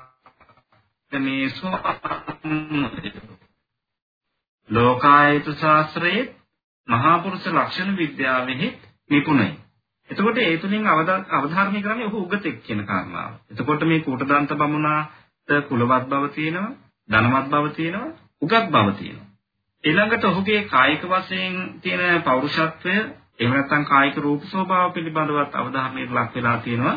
බවන්හි කූටදන්තෝ අභිරූපෝ මනහර රූප සම්පත්තියකින් යුක්තයි. දර්ශනීයෝ දර්ශනීය. පාසාදිකෝ දක්නහුට ප්‍රසාදයේ එළවන සුළුයි. ඒ කියන්නේ මොහු දැකෝ පමණින්ම බොහොම පැහැදීමක් ඇති වෙනවා. පරමාය වන්න පුක්කරතාය සමන්නාගතෝ උතුම් පැහැසකුයින් යුක්තය. සමන්විතය. බ්‍රහ්ම වන්නී උතුම් රන්වන් පැහැ ඇත්තේය. බ්‍රහ්ම වච්චසී උතුම් උතුම් සිරුරු පැහැ ඇත්තේකි. ශරීරයේ ප්‍රභාස්වර වූයේ. අකුද්ධාවකාශෝ දස්සනාය අන්‍යයන් විසින් දැකීමට දස්සනාය දැකීමට අකුද්ධාවකාශෝ නොමද අවකාශ ඇති. ඒ කියන්නේ බොහෝම පහසුවෙන් බොහොම ප්‍රසන්න විදියට සුව පහසු විදියට දකින්න පුළුවන් මනහර ප්‍රාසාදික වූ දර්ශනීය වූ රූප ස්වභාවයක් කුටදන්ත බමුණාට හිමි වෙලා තිබිලා තියෙනවා. එතකොට පොළොවත් භවයේ ගැටලුවක් නෑ, ධනවත් භවයේ ගැටලුවකුත් නෑ, උගත්කම ගැටලුවකුත් නෑ. ඒ වගේම කායික වශයෙන් තිබිච්ච රූප ස්වභාවයේ ගැටලුවකුත් මේ කුටදන්ත බමුණාට තිබිලා නැහැ. ඊට පස්සේ බවන්හි කුටදන්තෝ සීලවා. අන්න සීලය කියන එකට තැගීමක් ලබා දෙනවා. සිල්වත් බුද්ධ සීලී වැඩුණු සිල් ඇත්තෙක් බුද්ධ සීලයෙන් සමන්නාගතෝ වැඩුණු සීලයෙන් සමන්විත පුද්ගලෙක්. එතකොට සීලයටත් වටිනාකමක් දුන්නා. ඒත් එක්කම කල්යාණ වාචෝ යහපත් වචන ඇත්තේ. කල්යාණ වාක් කරනෝ යහපත් වචන කතා කරන කෙනෙක්. ඒ වගේම විස්සත්තාය නිදොස් වූ අනේලගලාය. ඒ කියන්නේ කඩතොළු නොවෙච්ච කතා කරනකොට ගොත ගැහෙනවා. ඒ වගේ මුකුත් එහෙම අඩුපාඩු නැහැ. බොහොම පිළිවෙලකට ගලාගෙන යන වචන සමූහයක් කින් යුක්ත වෙච්ච වාක්‍යාතුර්යයක් මේ කූටදන්ත බමුණාට තිබිලා තියෙනවා. අත්තස්ස විඤ්ඤාපනිය. අර්ථය හැඟවීමට සමත් වූ කෝරියා වාචාය සමන්නාගතු. බොහොම ශිෂ්ට සම්පන්න වාක් ව්‍යවහාරයකින් යුක්ත වෙච්ච පුද්ගලයෙක්. මේ කෝරියා කියලා කියන්නේ බොහොම ශිෂ්ට සම්පන්න විදියට කතා කරනවා කියන සාමාන්‍ය අර ග්‍රාම්‍ය නොවු ග්‍රාම්‍ය නොවු ශිෂ්ට සම්පන්න වූ අසන්නාට ගෞරවයක් හිමි වෙන වටිනාකමක් ලැබෙන්න ඔහුගේ පහන් වන ආකාරයේ කතා කිරීමේ හැකියාවක් උතුදාන්ත බමුණාට තිබිලා තියෙනවා. ඒතකොට කෙනෙක්ගේ වචනේ වචනය හසුරුවන විදිය ඉතාමත්ම වැදගත් වෙනවා. ඒ කියන්නේ තව කෙනෙකුට ශිෂ්ට සම්පන්න ආකාරයට ආමන්ත්‍රණය කරන්න පුළුවන් ස්වභාවයක් කූටදන්ත බමුණා තුල තිබිලා තියෙනවා. එතකොට කූටදන්ත බමුණාගේ සමාජ භූමිකාව කොයි වගේද? එතකොට මේ සමාජ භූමිකාව පිළිබඳව ඊළඟ කාරණාවෙන් අවධාරණය කරනවා බහෝනම් ආචාර්ය පාචාරියෝ. එතකොට බොහෝ දෙනෙකුට ආචාර්ය ප්‍රාචාර්ය වෙනවා. එතකොට ගුරුවරේ ඒ වගේම ගුරුවරුන්ගේ ගුරුවරේ. එයින් මානවක සතානි මන්තේ වාචේති මානවකයන් 300කට මන්ත්‍ර උගන්වනවා. බහුකෝපන නානා දිසා නානා ජනපදා මානවකාගච්ඡanti බෝතු කෝටනන්තස්ස සම්තිකේ මන්තාත්තික මන්තේ අදීතුකාම එතකොට මේ කූටදන්ත බමුණා සමීපයේ පදවල සිට නොඑක් දිසාවන්ගේ සිට බ්‍රාහ්මණ මානවකයෝ කූටදන්ත බමුණා කරා පැමිණෙනවා. එතකොට ඔහුගේ සමාජීය භූමිකාව ගුරුවරයෙක් හැටියට ආචාර්යවරයෙක් හැටියට ඔහු කොයිතරම් කීර්තිමත් ආකාරයේදී වෘත්තිය තුල එහෙම නැත්නම් භූමිකාවතුර නිරතුණාද කියන කාරණාවයි එයින් අවධාරණය කරන්නේ. ඒත් එක්කම ජින්නෝ බුද්ධෝ වෙච්ච කෙනෙක් මහලු කෙනෙක් අද්දගතෝ වැඩි වියටපත් වෙච්ච කෙනෙක් වය අනුපත්තෝ පිළිවෙලින් පැමිණි මහලු වයස ඇති කෙනෙක්. ඒ කියන්නේ බමුණන් අතර වැඩි මහලු බව කියන එකට වෘද්ධ බව කියන එකට ලෝක වැගීමක් ලබා දීලා තියෙනවා. හැබැයි ශ්‍රමණ ගෞතමයන් වහන්සේ තරුණ කෙනෙක් තරුණ තරුණ පැවිද්දේ එනිසා ඒ තරුණ පැවිද්දෙක් වෙච්ච බුදුහාමුදුර ළඟට මහලු වයසේ පසුවන වැඩිමහල්ෙක් වන ඔබ තුමා යා යුතු වන්නේ නැහැ කියන කාරණාව එතන අවධාරණය වෙනවා. ඊළඟට සමාජයෙන් ඔහුට ලැබිලා තියෙන ඇගීම. සමාජයෙන් ලැබිලා තියෙන ඇගීම. ඒතකොට සමාජයෙන් ලැබෙන ඇගීම අතර වඩාත්ම උත්කෘෂ්ඨ වන එකක් තමයි රාජපූජිත බව. රජෙක් රජෙකුගෙන් පිටුම් ලබන්න පුළුවන් නම් රජෙකුගෙන් බුහුමන් ලබන්න පුළුවන් නම් ඒක බොහොම ටික දෙනෙකුට හිමි වෙන කාරණාවක්. එතකොට මේ කියන කූටදන්ත බමුණාට රණ්‍යෝ මාගදස්ස සේනියස්ස බිම්බිසාරස්ස. මගධාධිපති සේනිය බිම්බිසාර රජු විසින් සත්කාර කරන ලදී. සත්කාර කරන ලදී. මානිතෝ බුහුමන් කරන ලදී. පූජිතෝ පුදන ලදී. අපචිතෝ යටහත් පැවතුම් පවත්වන ලදී. එතකොට සේනිය බිම්බිසාර රජු විසින් පුදන ලද්දී. ඒ විතරක් නෙමෙයි තමන් හා සම ආකාරයෙන් කටයුතු කරන ඒ තත්කාලීන සමාජයේ බොහොම ප්‍රකටව පිටපු තව බමුණෙක් තමයි මේ පොක්කර සාති බමුණා කියලා කියන්නේ. ඒ පොක්කර සාති බමුණා විසිනොත් ඒ ආකාරයටම ගරු බුහුමන් දක්වන ලද කෙනෙක්. අවසාන වශයෙන් පැහැදිලි කරන අර ආරම්භක ඡේදයේදී හමු වෙච්ච කාරණාව අර නගදාධිපති ශ්‍රේණියේ බිම්බිසාර රජු විසින් දුන්න රාජදායාදයක් වෙච්ච ශ්‍රේෂ්ඨ ත්‍යාගයක් වෙච්ච සියලු යසීසුරෙන් සපිරුණු මේ සපිරිච්ච කානුමතේ කියන ගම් ප්‍රදේශයේහි වාසය කරනවා කියන කාරණාව. එතකොට මේ කියන හැම කාරණාවකින්ම පෙන්වලා දෙන්න උත්සාහ කළේ අර බමුණු පිරිස උත්සාහ කරන්නේ කෝටදන්ත බමුණා කියලා කියන කෙනා බොහොම සමාජයේ බොහොම ලැබපු කෙනෙක්, ඇගීමක් ලැබපු කෙනෙක්.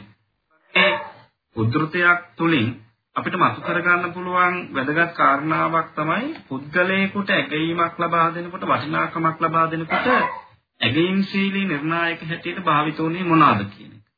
එතකොට මේ නිර්ණායක අතල අපිට දකින්න පුළුවන් සමාජ සමාජයේ ජීවත් වෙච්ච ඒ ලෞකික ජීවිතයක් ගත කරපු ප්‍රභූවරයෙක් හැටියට ඔහුට ඇගීමක් ලබා දෙනකොට භාවිත කරපු නිර්ණායක තමයි ඔහු ජාතීන් සමන්විතයි කියන එක. කියන්නේ ඔහු බොහොම යහපත් ජාති ඒ කියන්නේ කුලවත් කියන කාරණාව.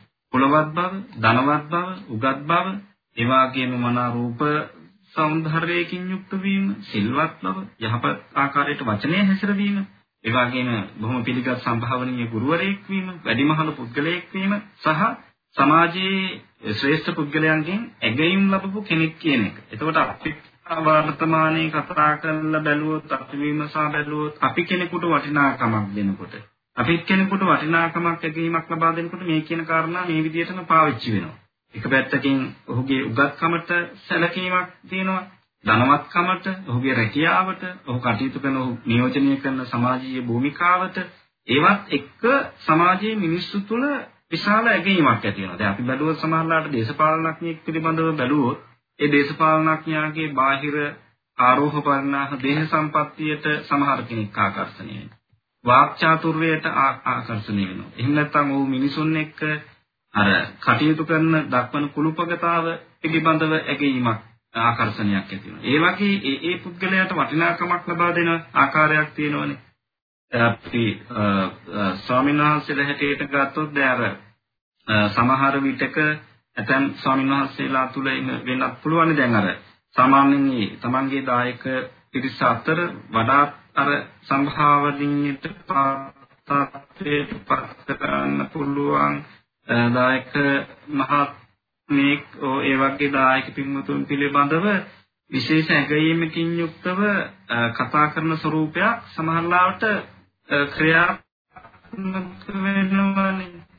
ඉතින් ඒ අනුසාරයෙන් අපිට කල්පනා කරලා බලන්න පුළුවන් අද සමාජයේ වගේ සමාජයේ මිනිස්සුන්ට වටිනාකමක් දෙනකොට මේ කාරණා භාවිත වෙලා තියෙනවා. අද එදා වර්ග පැත්තකින් කියලා බැලුවොත් අනිත් කියන කාරණා වෙන කාරණාවක් නොවන නිසා අපි ඒක පැත්තකින් කියලා බැලුවොත් ওই ධනවත්කමට, ඒ වගේම උගත්කමට, ඒ වගේම මනා රූප සම්පත්තියක් හිමිවීම, සිල්වත්කමට, ඒ වගේම ඔහු නියෝජනය කරන වෘත්තීය වශයෙන් නියෝජනය කරන සමාජීය භූමිකාවට මේ හැම දෙයකටම ලොකු වටිනාකමක් දෙනවා. ඒ වගේම අර රාජපූජිත සහ සමාජයේ ජීවත් වෙච්ච සම්භාවනීය මිනිසුන්ගෙන් පොදපු ලද බව තමයි අද සමහරලාට අර ගෞරව නාම, ගරුණම්බු නාම, ඒ වගේ දේවල් කෙරෙහි මිනිස්සු කැමැත්තක් ඇති කරගන්නේ. එතකොට අහවල් තනින් අහවල් සම්මානය ලැබිලා තියෙනවා. එතකොට ගරුණාමී නම්බුනාමී මේ විදිහට ලැබිලා තියෙනවා කියලා හැබැයි ඒවත් නිකම්ම දෙන්නේ නැහැ නේ. වටිනාකමක් ඇති අය හොයලා බලලා තමයි දෙන්නේ. ඉතින් මේ කියන දේවල් එදා වගේම අද සමාජයේ එකාකාරයෙන්ම ක්‍රියාත්මකව පැවතිච්ච දේවල්. ඉතින් එදා සමාජය තුළ මේ බමුණු පිරිස කෝටදන්ත බමුණාට සුවිශේෂ ඇගයීමක් ලබා දීමට මේ කියන කාරණා ටික භාවිත කරලා තියෙනවා. එහෙමනම් ওই කාරණා ටිකෙන් අපිට හිතන්න පුළුවන් කෙනෙකුට වටිනාකම වෙච්ච කාරණා මොනවද කියන්නේ. එතකොට ඔය අර කියපු ඒ මූලික කාරණා ටික ඔස්සේ අපිට යම් කිසි කර්ම හැදෑරීමක් කරන්න පුළුවන්. එතකොට මේ ලෞකික ජීවිතයක් ගත කරපු ගත කරපු උත්තරමයන් වහන්සේ නම එතකොට මේ විදිහට අර බමුණු පිරිස කූටදන්ත බමුණට මේ වගේ කතාවක් කිව්වම එතකොට කූටදන්ත බමුණත් ඒ කූටදන්ත බ්‍රාහ්මණෝ තේ බ්‍රාහ්මණේ තදලොත් කූටදන්ත බමුණෝ මම පිසුණාද එහෙනම් දෙන්න.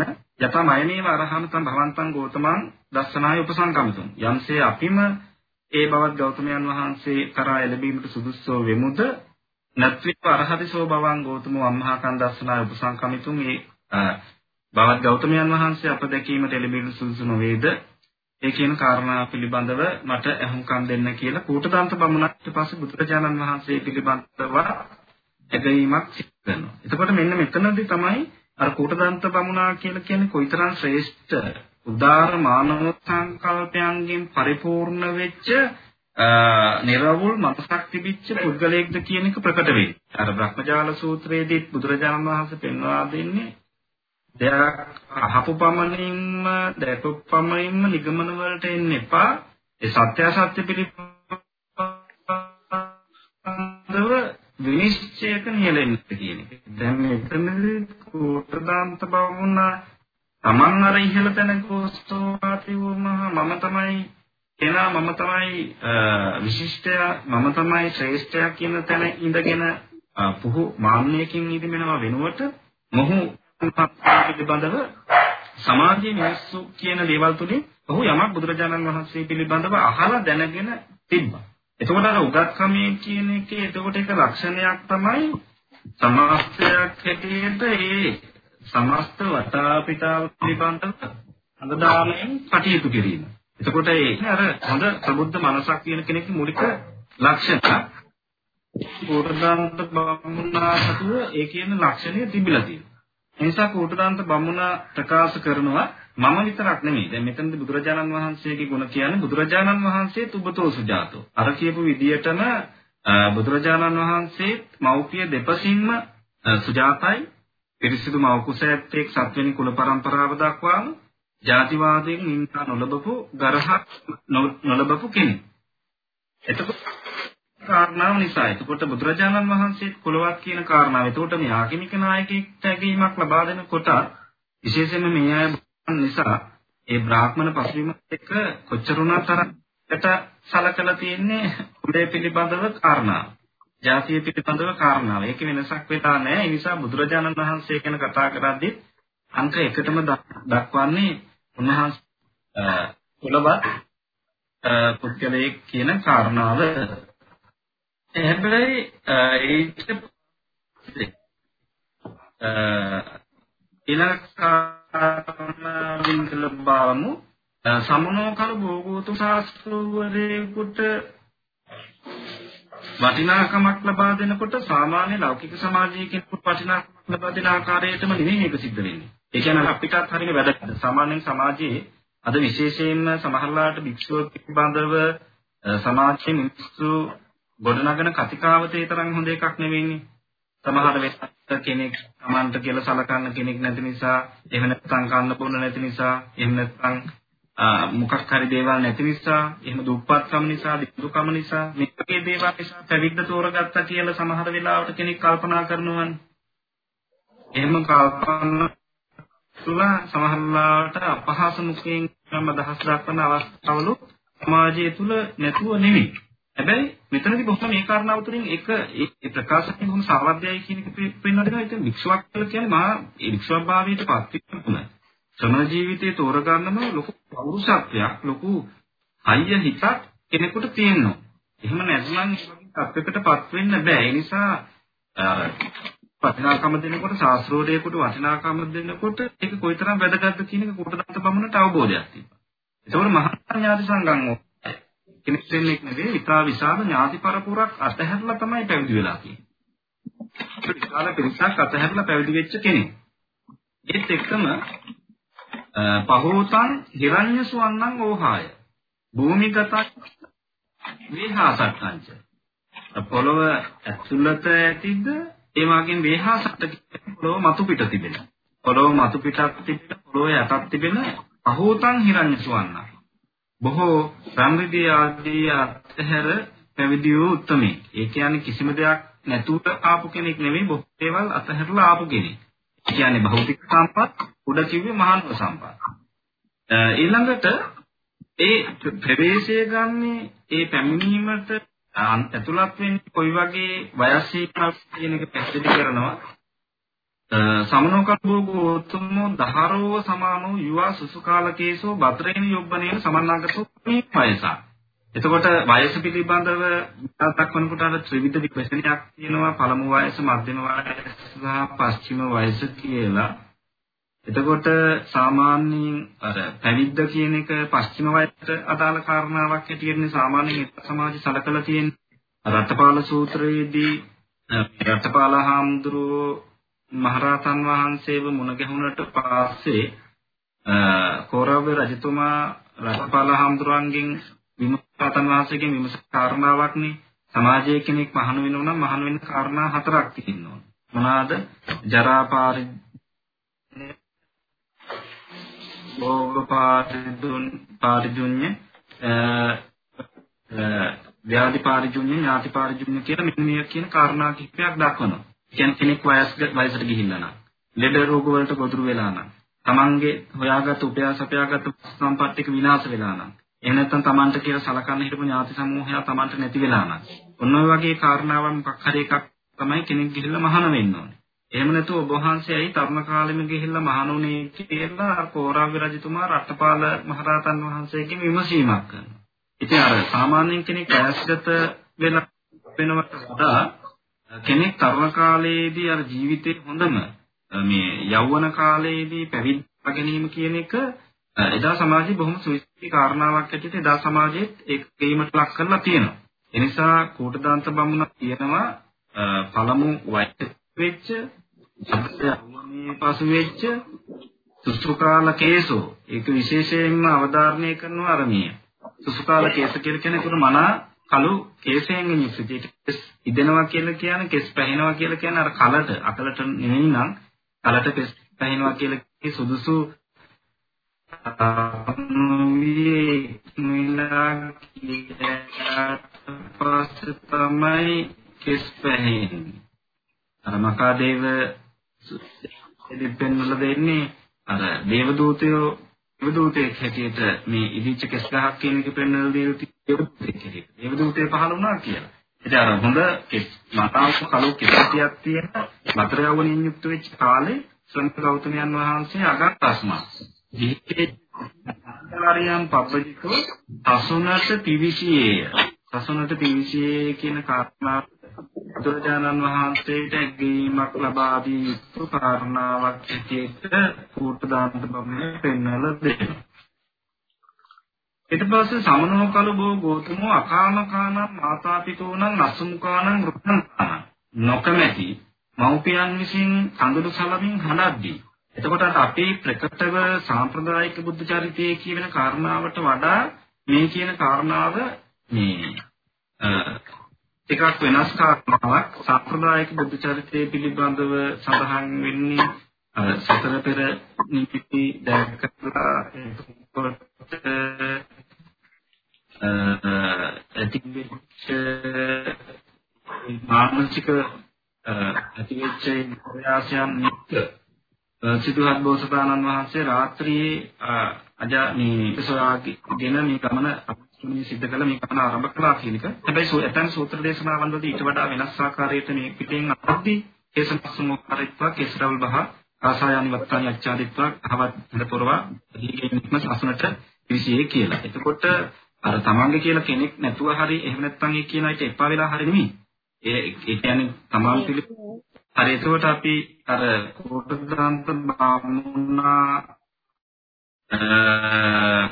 පැවිද්දට පිවිසියා කියන කාරණාවට ලොකු ඇගීමක් ලබා දීලා තියෙනවා. ඉතින් අර ප්‍රබුද්ධ මනසකින් කටයුතු කරපු පුද්ගලයෙක් හැටියට ඒ පැවිද්දක් හැටියට සලකලා මේක අතිශයින්ම අගය කළ යුතු උසස් කාර්යයක්.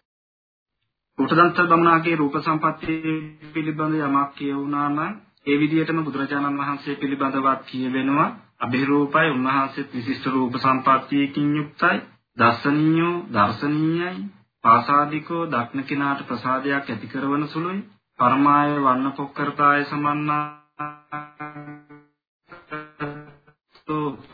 තුම් පහසපුවකින් සමන්විතයි රත්න වන්නේ උතුම් රන්වන් පහෙන් අකුද්ධාවකාශෝ දසනාය දක්න කෙනෙක්ට දක්න විසින් දැකීමට අකුද්ධ අවකාශෝ නොමද වූ අවකාශයක් තියෙයි. ඒ කියන්නේ කිසිම අපහසුතාවයකින් නැතුව බොහොම පහසු වෙන ප්‍රසන්න වාසයෙන් දැකිය හැකි රූප ස්වභාවය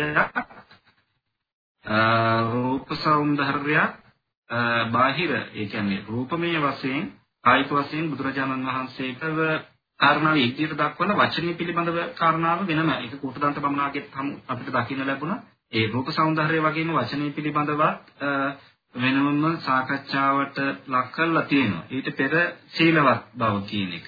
බුදුරජාණන් වහන්සේ සිල්වත් අර කූටබන්ත කූටදන්ත බමුණත් සිල්වත් කියන කාරණාව පැහැදිලි වුණා. එතන අර බුද්ධ සීලී වැඩුණු සිල්ලත් එක්ක හැටියට පෙන්වලා දුන්නේ මෙතන බුදුරජාණන් වහන්සේ ආර්ය සීලී. උතුම් ආර්ය වූ සීලෙන් සමන්විතයි කුසල සීලී පිරිසුදු වූ සීලෙන් යුක්තයි කුසල සීලෙන් සමන්නාගතෝ නිර්වාද්‍ය වූ පිරිසිදු සීලෙන් සමන්නාගතයි. ඒක බුදුරජාණන් වහන්සේ තුළ පැවතිච්ච ආර්ය සීලයක්, උත්තම සීලයක්, විශිෂ්ට සීලයක් හැටියට අර බුද්ධ සීලය කියන ඇගීමට වඩා බුදුරජාණන් වහන්සේගේ සීලය පිළිබඳව කුට්ටන්ත බමුණාගේ හැඟීම අදහස එතකොට ඔහු පැහැදිලි කරනවා. ඒ පිළිබඳව වචනේ සම්මාද මාර්ගවලින්තුව කායික වශයෙන් කෙනෙක්ගේ තියෙන රූප సౌందර්යය හිමුණාට වමාරුනේ. සමහර කෙනෙක් කායික වශයෙන් බොහොම ප්‍රසන්න පැහැපත් වුණාට ඔහුගේ හෝ ඇගේ වචනේ අතිශයින්ම අප්‍රසන්න විය හැකියි. එතකොට කෝටදාන්ත බමුණා වගේ ප්‍රබුද්ධ මිනිසුන්ගේ විශේෂයෙන්ම බුදුරජාණන් වහන්සේ වහන්සේලාගේ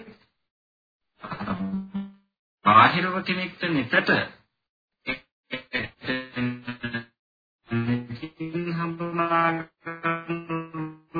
හම්බන ඒ බාහිරයේ රූප సౌందර්ය වගේම වචනීය තුල තියෙන විශිෂ්ටතාවක් ඒ විදිහටම පැවතුණා.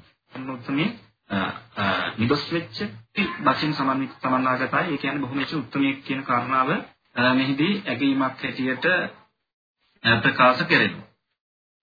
ඊට පස්සේ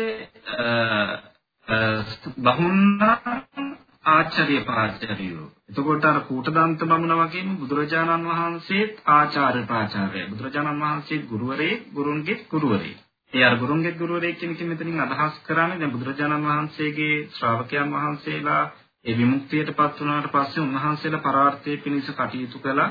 ඒ පරාර්ථයේ පිණිස කටයුතු කරලා කටයුතු කරපු උන්වහන්සේලා විසිනුත් මේ ධර්මය මිනිස්සුන් අතර බෙදා දීම සිද්ධ කළා. ඒ නිසා බුදුරජාණන් වහන්සේ හඳුන්වා දෙනවා උන්වහන්සේ ආචාර්ය ප්‍රාචාර්ය කියන නාමයෙන්ම හඳුන්වා දීම සිද්ධ වෙනවා. ඒ වගේම චීන කාමරාග පහවෙච්ච කාමරාගයෙන් යුක්තයි විගත චාපල්ලෝ පහ වූ කාමයේ කියන එක කාමරාගය කියන එක පහ කරපු උත්තරේ කියන හඳුනා ගැනීම සාමාන්‍ය සමාජයේ මිනිස්සු අතර පවා තිබිලා තියෙනවා. ඊළඟට ආගමික ඉගැන්වීම කොයි වගේද? කර්මවාදී උන්වහන්සේ කර්මවාදී, ඒ කියන්නේ කර්මයේ විපාක ඇත. චීන කාර්ය පිළිබඳව පැහැදිලි කරලා දෙනවා. කිරියවාදී, ක්‍රියාවන් තුළින් කුසල අකුසල රැස්වෙනවා කියන කාරණා පිළිබඳව උන්වහන්සේ පැහැදිලි කරලා දීලා තියෙනවා. ඒ පාපය නොකළ යුතුයි. ඒ කායික වාචික මානසික වශයෙන් කුසලයේ කළ යුතුයි කායික වාචික මානසික වශයෙන් කියන මේ කාරණාව අවධාරණය කරපු උත්මේ අපාව පුරෙක්ඛාරෝ. කියන්නේ නවලෝතුරු දහම පෙරටු කොට ඇති උත්මේ. ඒ වගේම බ්‍රහ්මඥාය පජාය. සරියුත් මුගලන් ආදී මේ බ්‍රාහ්මණයන්ට පවා නායකව කටයුතු කරන උත්මේ. එතකොට අර බොහෝ බ්‍රාහ්මණ තරුණයන් බ්‍රාහ්මණ කුලයට අයිති වෙච්ච අය පවා බුදුරජාණන් වහන්සේගේ ශාසනය තුල ශ්‍රාවක භාවයට පත් වෙලා තියෙනවා. ඉතින් ඒ පිරිසටත් නායකව කටයුතු කරන කෙනෙක් හැටියට බුදුරජාණන් වහන්සේට මිහිදී ඇගීමක් හිමි වෙනවා. ඊළඟට උච්චාකුලා පබ්බජිතෝ අසම්හින්න කත්තිය කුලා. අසම්හින්න කියලා කියන්නේ නොබින්දුණු කත්තිය කුලා. නොබින්දුණු ශාස්ත්‍රීය කුලයෙන්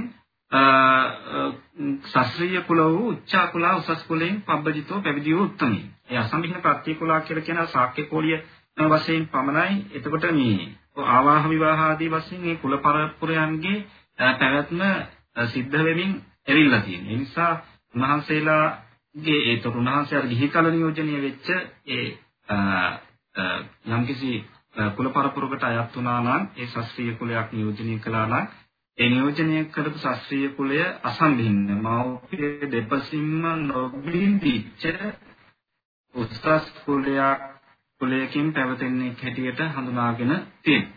මහද්දනා මහා භෝග අඩ්ඩා කුල උන්වහන්සේ ඉසුරුමත් කුලයකින් නික්ම පැවිදි වෙච්ච කෙනෙක්. මහත් වූ ධනෙ තියෙන මහත් වූ භෝග සම්පත් ඇති ඉසුරුමත් කුලයකින් නික්ම පැවිදි වූ උත්තමී. ඒ වගේම තෙරුරා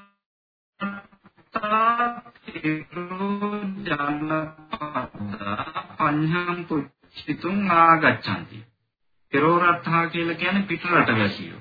ඒ කියන්නේ මේ කියන මගධයට සාපේක්ෂව බලනකොට මගධයෙන් බැහැරව තියෙන කෝසල ආදී ජනපදයට තිරෝරත්තා හැටියට හඳුන්වන්න පුළුවන්කමක් තියෙන මේ බැහැරව තියෙන. එතකොට පිටරට වැසියෝ තිරෝ ජනපදා පිටතු අන්‍යෝ ජනපද වැසියෝ පඤ්ඤම් පුච්චිතුන් ආගච්ඡanti බුදුරජාණන් වහන්සේ වෙත පැන විමසීමට ඉඳලා ප්‍රශ්න निराකරණය කරගන්න. එතකොට එයත් බුදුරජාණන් වහන්සේට ඇගීමක් හැටියට පෙන්වා දෙනවා. අනේකන් දේවතා සහස්සානි පාණේහි සරණංගතෝ. පාණේහි කියලා කියන්නේ දිවිහිමි. මේ දහස් ගණන් දෙවියෝ දිවිහිමියෙන් බුදුන් වහන්සේව සරණ ගියහ. ඒ වගේම එවං කල්යාණෝ කිත්තිසද්දෝ අබ්බුග්ගතෝ අර නවරහාදී බුදු ගුණයන්ගෙන් යුක්තයි කියන කියන කල්යාණ කීර්තිතාවය බුදුරජාණන් වහන්සේ සම්බන්ධයෙන් සමාජය තුල පැතිරලා ගිහිල්ලා තියෙනවා. ඒ වගේම ද්වත්තිංස මහා පුරුෂ ලක්ෂණෙහි සමන්නාගතෝ. දෙතිස් මහා පුරුෂ ලක්ෂණයන්ගෙන් යුක්තයි. අර කායික වශයෙන් තිබිච්ච ඒ යහපත් බව පිළිබඳව අවධාරණය කරනවා වගේම විශේෂ වශයෙන් අර සාමාන්‍ය පුරුෂයෙකුට නොපිහිටන උත්තම පුරුෂයෙකුට පිහිටන ඒ දෙතිස් මහා පුරුෂ ලක්ෂණයන්ගෙන් යුක්ත වීම කියන කාරණාවත් උත්කෘෂ්ඨ වූවක් හැටියට සලකලා තියෙනවා. උන්වහන්සේ ප්‍රිය සංభాසනයේ ඊ타ත්ම නැඹුරු වෙච්ච කෙනෙක් බොහොම යහපත් මානව සම්බන්ධතා කළමනාකරණය කරගැනීමේ හැකියාවක් බුදුරජාණන් වහන්සේ තුළ පැවතුණා. ඒහි ස්වාගතවාදී. ඒතකොට බුදුරජාණන් වහන්සේ ළඟට කෙනෙක් ආවට පස්සේ එයාත් එක්ක එතකොට කතා කරනවා එන්න ඔබගේ යහපත් වූ පැමිණීමක කියලා කතා කරන ස්වરૂපය බුදුරජාණන් වහන්සේ තුල තිබ්බා. ඒ වගේම සකිල කියන කනට වචන කතා කරන උත්මය. ඒ වගේම සම්මෝදකෝ. ඒ වගේම සතුටු වෙන කතා ඇති උත්මී සතුට ගෙනල් දෙන්න කතා තියෙනවා. අභාකුටිකෝ මේ බැන හකුලුවා බලන්නේ නැහැ. කියන්නේ රවල බලන්නේ නැහැ. රවල නොබලන කෙනෙක්.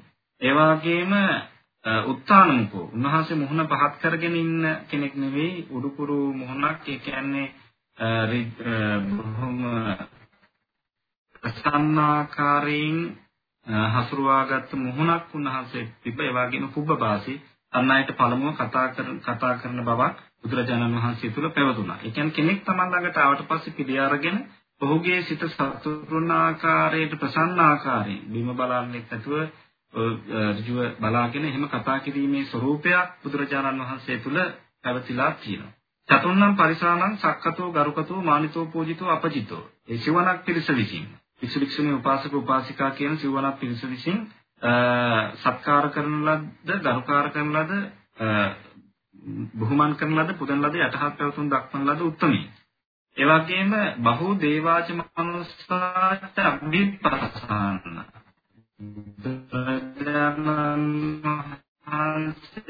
කෙරෙහි බොහෝ දේව මිනිස්සු විශේෂයෙන් ප්‍රසන්නයි. ඒ වගේ නියම්කම් කොහොම වාසය කරනවා නම් ඒ ගමේ හෝ නියම්කමේ ඉන්න අමනුෂ්‍යයෝ මිනිස්සු වෙහෙසටපත් කරන්නේ නැහැ. නොවෙහෙසා. එතකොට ඒකත් විශේෂ කාරණාවක් හැටියට සලකලා තියෙනවා. ඒ වගේම සමනෝ ගෝතමෝ සංඝී සංඝ සමූහය ඇති. ඒ වගේම ගණි ගණනායකයෙක් ඒ වගේම ගණාචාරියෝ ගණයාට ආචාර්ය කෙනෙක් පුතු තිත්තකරණං අග්ගමක් ආයති බොහෝ තීර්ථාන්තරයන් අතුරෙහි ශ්‍රේෂ්ඨයයි කියනු ලැබේ. ඒ කියන්නේ ආගමික ශාස්ත්‍රූවරයන් ඇතුලේ ශ්‍රේෂ්ඨ ආගමික නායකයෙක්. විශාල ශ්‍රාවක සංඝ පිරිසක් පාලනය කරන හසුරුවන ගණාචාර්ය ගණනායක වෙච්ච බොහොම ශ්‍රේෂ්ඨ ශාස්ත්‍රවරයෙක් හැටියට පෙන්වලා දීලා තියෙනවා. යථාකෝපන භෝ ඒතේසං සමන බ්‍රාහ්මණං යථාවතතාව යසෝ සමුදාගාච්ඡති. යම්සේ මේ ඇතම් ශ්‍රමණ බ්‍රාහ්මණයන්ගේ ගුණ හට ගන්නව නම් ඒ ගුණ හටගන්නේ කොහොමද? ඇතම් වෘත, ඇතම් චර්යා ආදී තුලින් ඇතම් ශ්‍රමණ බ්‍රාහ්මණයන්ගේ ගුණ හට ගන්නව නම් ගුණ ඇති වෙනව නම් බුදුහාමුදුරන්ගේ ගුණ එහෙම නෙමෙයි ඇති වෙලා තියෙන්නේ. නැහේවන් සමනස්ස ගෝතමස්ස යසෝ සමුදාගතෝ. අර අන්‍ය වූ අයගේ අර වෘතචර්යා ආදී තුලින් ಗುಣ ඇතිවෙච්ච ආකාරයට නෙමෙයි බුදුරජාණන් වහන්සේගේ ಗುಣ හටගෙන තියෙන්නේ අනුත්තරාය විද්‍යාචරණ සම්ප්‍රදාය. නිරුත්තර වූ උත්තම වූ විද්‍යාචරණ සම්පත්තිය කරන කොටගෙන බුදුරජාණන් වහන්සේගේ යසස හටගෙන තියෙනවා. ඒ වගේම සේමිය බිම්බිසාර රජු විසින් නිකම්ම නෙමෙයි සපුත්තෝ සබරියෝ සපරිසෝ සාමච්චෝ පුතුන් භාර්යාවන් පිරිස එමතියන් ආදීන් සහිතව සේනිය බිම්බිසාර රජු දෙවිහිමි කොට සරණ ගියේ. ඒක බුදුරජාණන් වහන්සේ සරණ ගිහිල්ලා තිබුණා. බිම්බිසාර රජු විසින් විතරකුත් නෙමෙයි. දැන් කෝටදාන්ත බමුණාව ඇගීමට ලක් කරේ බිම්බිසාර රජු විසින් විතරනේ. නමුත් බුදුරජාණන් වහන්සේ ඇගීමට ලක් කරන් බිම්බිසාර රජු විසින් විතරක් නෙමෙයි පස්සේ නදී කුසල රජතුමා ආදී රජවරු ඒ වගේම පොක්කර සාති බමුණ ආදී බමුණු බුදුරජාණන් වහන්සේ වැැකීමට ලක් කරලා තියෙනවා. ඒ වගේම කොසල් රජතුමා, ඒ වගේම බිම්බිසාර රජතුමා, පොක්කර සාති බමුණ ආදී මේ කියන රාජරාජ මහා මාත්‍ය ආදී ශ්‍රේෂ්ඨ බමුණු පඬිවරු ආදීන් විසිනුත් බුදුරජාණන් වහන්සේව ඇගීමට ඒ කියන්නේ ගරු බුහුමනන්ට ලක් කරලා තියෙනවා. එතකොට මෙන්න මේ කියන කාරණා ටික බුදුරජාණන් වහන්සේ පිළිබඳව ඇගීමෙහිලා භාවිත කරා. ඒකට ආගමික ශාස්ත්‍රවරයෙකුට ඇගීමක් ලබා දෙනකොට. ඒ ඇගීම ලබා දෙනකොටත් අර බාහිර කාරණාවනොත් නොසලකා හැරලා නැහැ. ඒ කියන්නේ කුලය පිළිබඳව කාරණාව, ජාතිය පිළිබඳව, ඒ වගේම බාහිර රූප සම්පත්තිය, උන්වහන්සේ විසින් සමාජීය වශයෙන් කරන කාර්යභාරය කියන මේ වගේ දේවල් එකම ආධ්‍යාත්මිකව උන්වහන්සේ තුළ පැතිච්ච ගුණ සම්පත්තිය ඒ වගේම සිදු කළ කාර්යභාරයත් අරමුණු කොටගෙන ඇගීමක් ලබා දීලා තියෙනවා. එතකොට ගිහි වේවා පැවිදි වේවා යම් කිසි කෙනෙකුට සමාජයේ තවත් තවකෙකු විසින් ඇගීමක් ලබා දෙනකොට එහිලා භාවිත කරගන්න ලබන නිර්ණායක පිළිබඳ විමසා බලනකොට කෝටදන්ත සූත්‍රයේ තුල තියෙන ප්‍රයෝගීතාව ඊ타ත්ම සුවිශේෂයි. ඊ타ත්ම වැදගත් වූ ප්‍රයෝගීතාවකින් යුක්ත කාරණා සමූහයක් කෝටදන්ත සූත්‍රයේ මේ සාකච්ඡාට ලක් වෙච්ච කාරණා සමූහය තුල අපට හඳුනා ගන්නට පුළුවන්කමක් ලැබුණා. එතකොට මේ සාකච්ඡාව තුළ කෝටදන්ත බමුණ අවසාන වශයෙන් පෙන්වා දෙන කාරණාවක් ඊ타ත්ම වැදගත් කාරණාවක්. ඒ කියන්නේ ප්‍රබුද්ධ මනසක් ඇති පුද්ගලයෙක්ගේ සමාජීය වශයෙන් ක්‍රියාත්මක වීම. කොයිතරම් අර්ථාන්විත ආකාරයට සිද්ධ වෙනවාද කියන කාරණාවදී මෙන්න මේ අවසාන වශයෙන් දක්වන කාරණාව ඉතාමත්ම වැදගත්. සමනෝ කලබෝ ගෝතමෝ කානුමතං අනුප්පත්තෝ කානුමතේ විහෙරති අම්බලා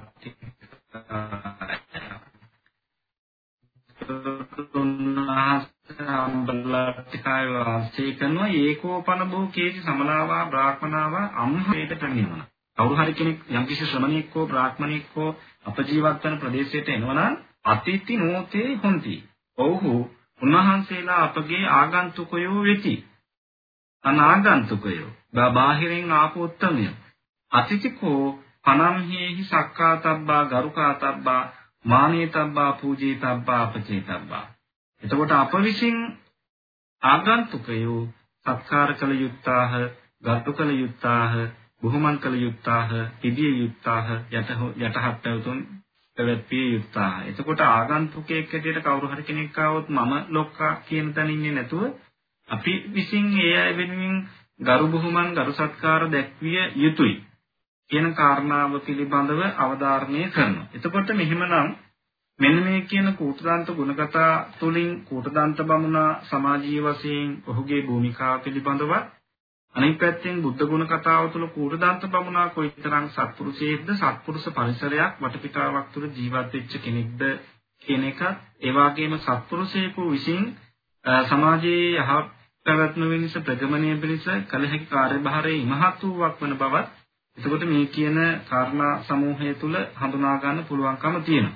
ඉතින් කෝටදන්ත බමුණ විතරක් නෙමෙයි මේ කියන ගුණවත්භාවය තිබිලා තියෙන්නේ. එතකොට මේ අය වරද්දපු තැන තමයි දෘෂ්ටිවාදමය වශයෙන් දෘෂ්ටිමය වශයෙන් අර ආචීර්ණ වශයෙන් කුල પરම්පරාවන්ගෙන් පැවතගෙන ආපු ආගමික දර්ශනය විසින් තමයි මේගොල්ලෝව නරක කරලා තිබ්බේ. ඒකට යාගයේ හැටියට සත්වඝාතනිය තෝරගන්නේ. ඒ කියන්නේ සත්වඝාතනිය තුලින් යාගයක් සිද්ධ කරලා දෙවියන් සතුටු කරලා ඒ තුලින් ආශිර්වාදයක් මෙලෝ පරලෝ සුභ සිද්ධියක් සලසා ගන්න උත්සුක වුණේ.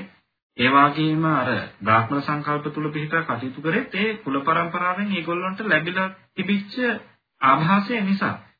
හැබැයි ඒ ආభాසය යටපත් කරගෙන පුද්ගලයෙක් තුලින් මතුවිය හැකි මතුවිය යුතු සැබෑම සත්පුරුෂයෙක් වුන් තුල ජීවත් වෙලා තියෙනවා. ඒ කියන්නේ සත්පුරුෂකම මතු කරලා දෙන්න කෙනෙක් සමාජය තුල නොතිබීම තමයි ලොකුම ගැටලුව වෙලා තින්නේ. හැබැයි බුදුරජාණන් වහන්සේ අර පහළ වීම කියලා කියන්නේ බුදුරජාණන් වහන්සේ මේ මේ සමාජයට කර යුතු කාර්යභාරය පිළිබඳ අවධාරණය කරනකොට වැදගත් වෙන්නේම අර ඒ වගේ අර සරණක් පිහිටක් නොලැබීම නිසා, නිසි මඟ පෙන්වීමක් නොලැබීම නිසා අඳුරු විශ්වාසයන් අන්ධකාරයන් තුල ගමන් කරමින් හිටපු බොහෝ පිරිසකට ඒ යහපත පිළිබඳව මනාව පෙන්වා දෙන්න, මතු කරලා දෙන්න බුදුරජාණන් වහන්සේ සමත් වෙච්ච නිසා. ඒ කියන්නේ මේ අය බමුණු වෙච්ච පමණින්ම ඒ බ්‍රාහ්මණ සංකල්පයන් තුල හැසිරිච්ච හික්මීම පමණින්ම නරක පිරිසක් නෙවෙයි ඔවුන් තුල හොඳ සත්පුරුෂයෙක් ජීවත් වෙලා තියෙනවා.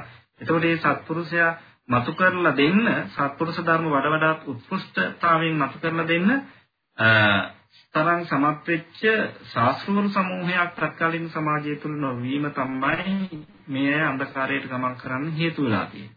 එතකොට දැන් කූටදන්ත බමුණා මේ විදිහට ප්‍රකාශ කළාට පස්සේ එවං උත්තේතේ බ්‍රාහ්මනා කූටදන්තම් බ්‍රාහ්මණං හේතද බෝචු. මේ බමුණු කූටදන්ත බමුණාට මේ විදිහට කීහ. මොකක්ද උන් කරපු ප්‍රකාශය? යතාකෝ බවං කූටදන්තෝ සමනස්ස ගෝතමස්ස වන්නෝ භාසති. දින්වත් කූටදන්ත දෙන යම් ආකාරයට ශ්‍රමණ ගෞතමයන් වහන්සේගේ ගුණ කියයිද? ඊතෝචේපි සෝ භවං ගෝතමෝ යෝජන සතේ විහෙරති.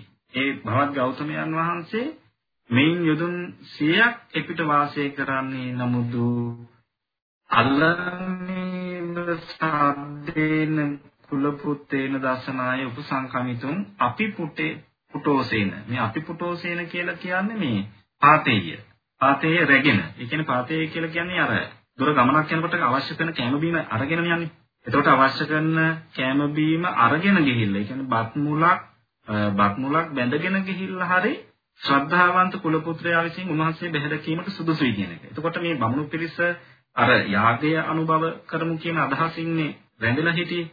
හැබැයි එහෙම රැඳිලා හිටියත් මේ අයටත් අර හොඳ නරක ಗುಣ නුගුණ පිළිබඳව වටහා ගන්නට තරම් අර අර ප්‍රകൃතියෙන් ඒ කියන්නේ ප්‍රകൃතියෙන්ම තමන් තුළ පැවතිය යුතු සත්පුරුෂ ස්වභාවය වොන් තුළ පැවතිලා තියෙනවා.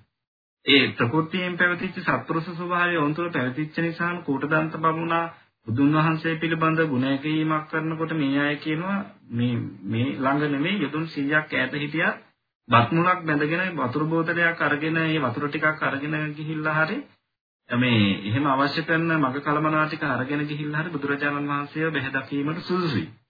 ඒ නිසා තේනහි බෝ සබ්බේව මයන් සමනං ගෝතමන් දස්සනාය උපසංකමිස්සාම ඒ නිසා අපි සියල්ලෝම ශ්‍රමණ ගෞතමයන් වහන්සේ දැකීමට එළඹෙමු කියලා මේ පිරිසත් ඔක්කොම බුදුරජාණන් වහන්සේ සමග පිටත් වෙලා යනවා.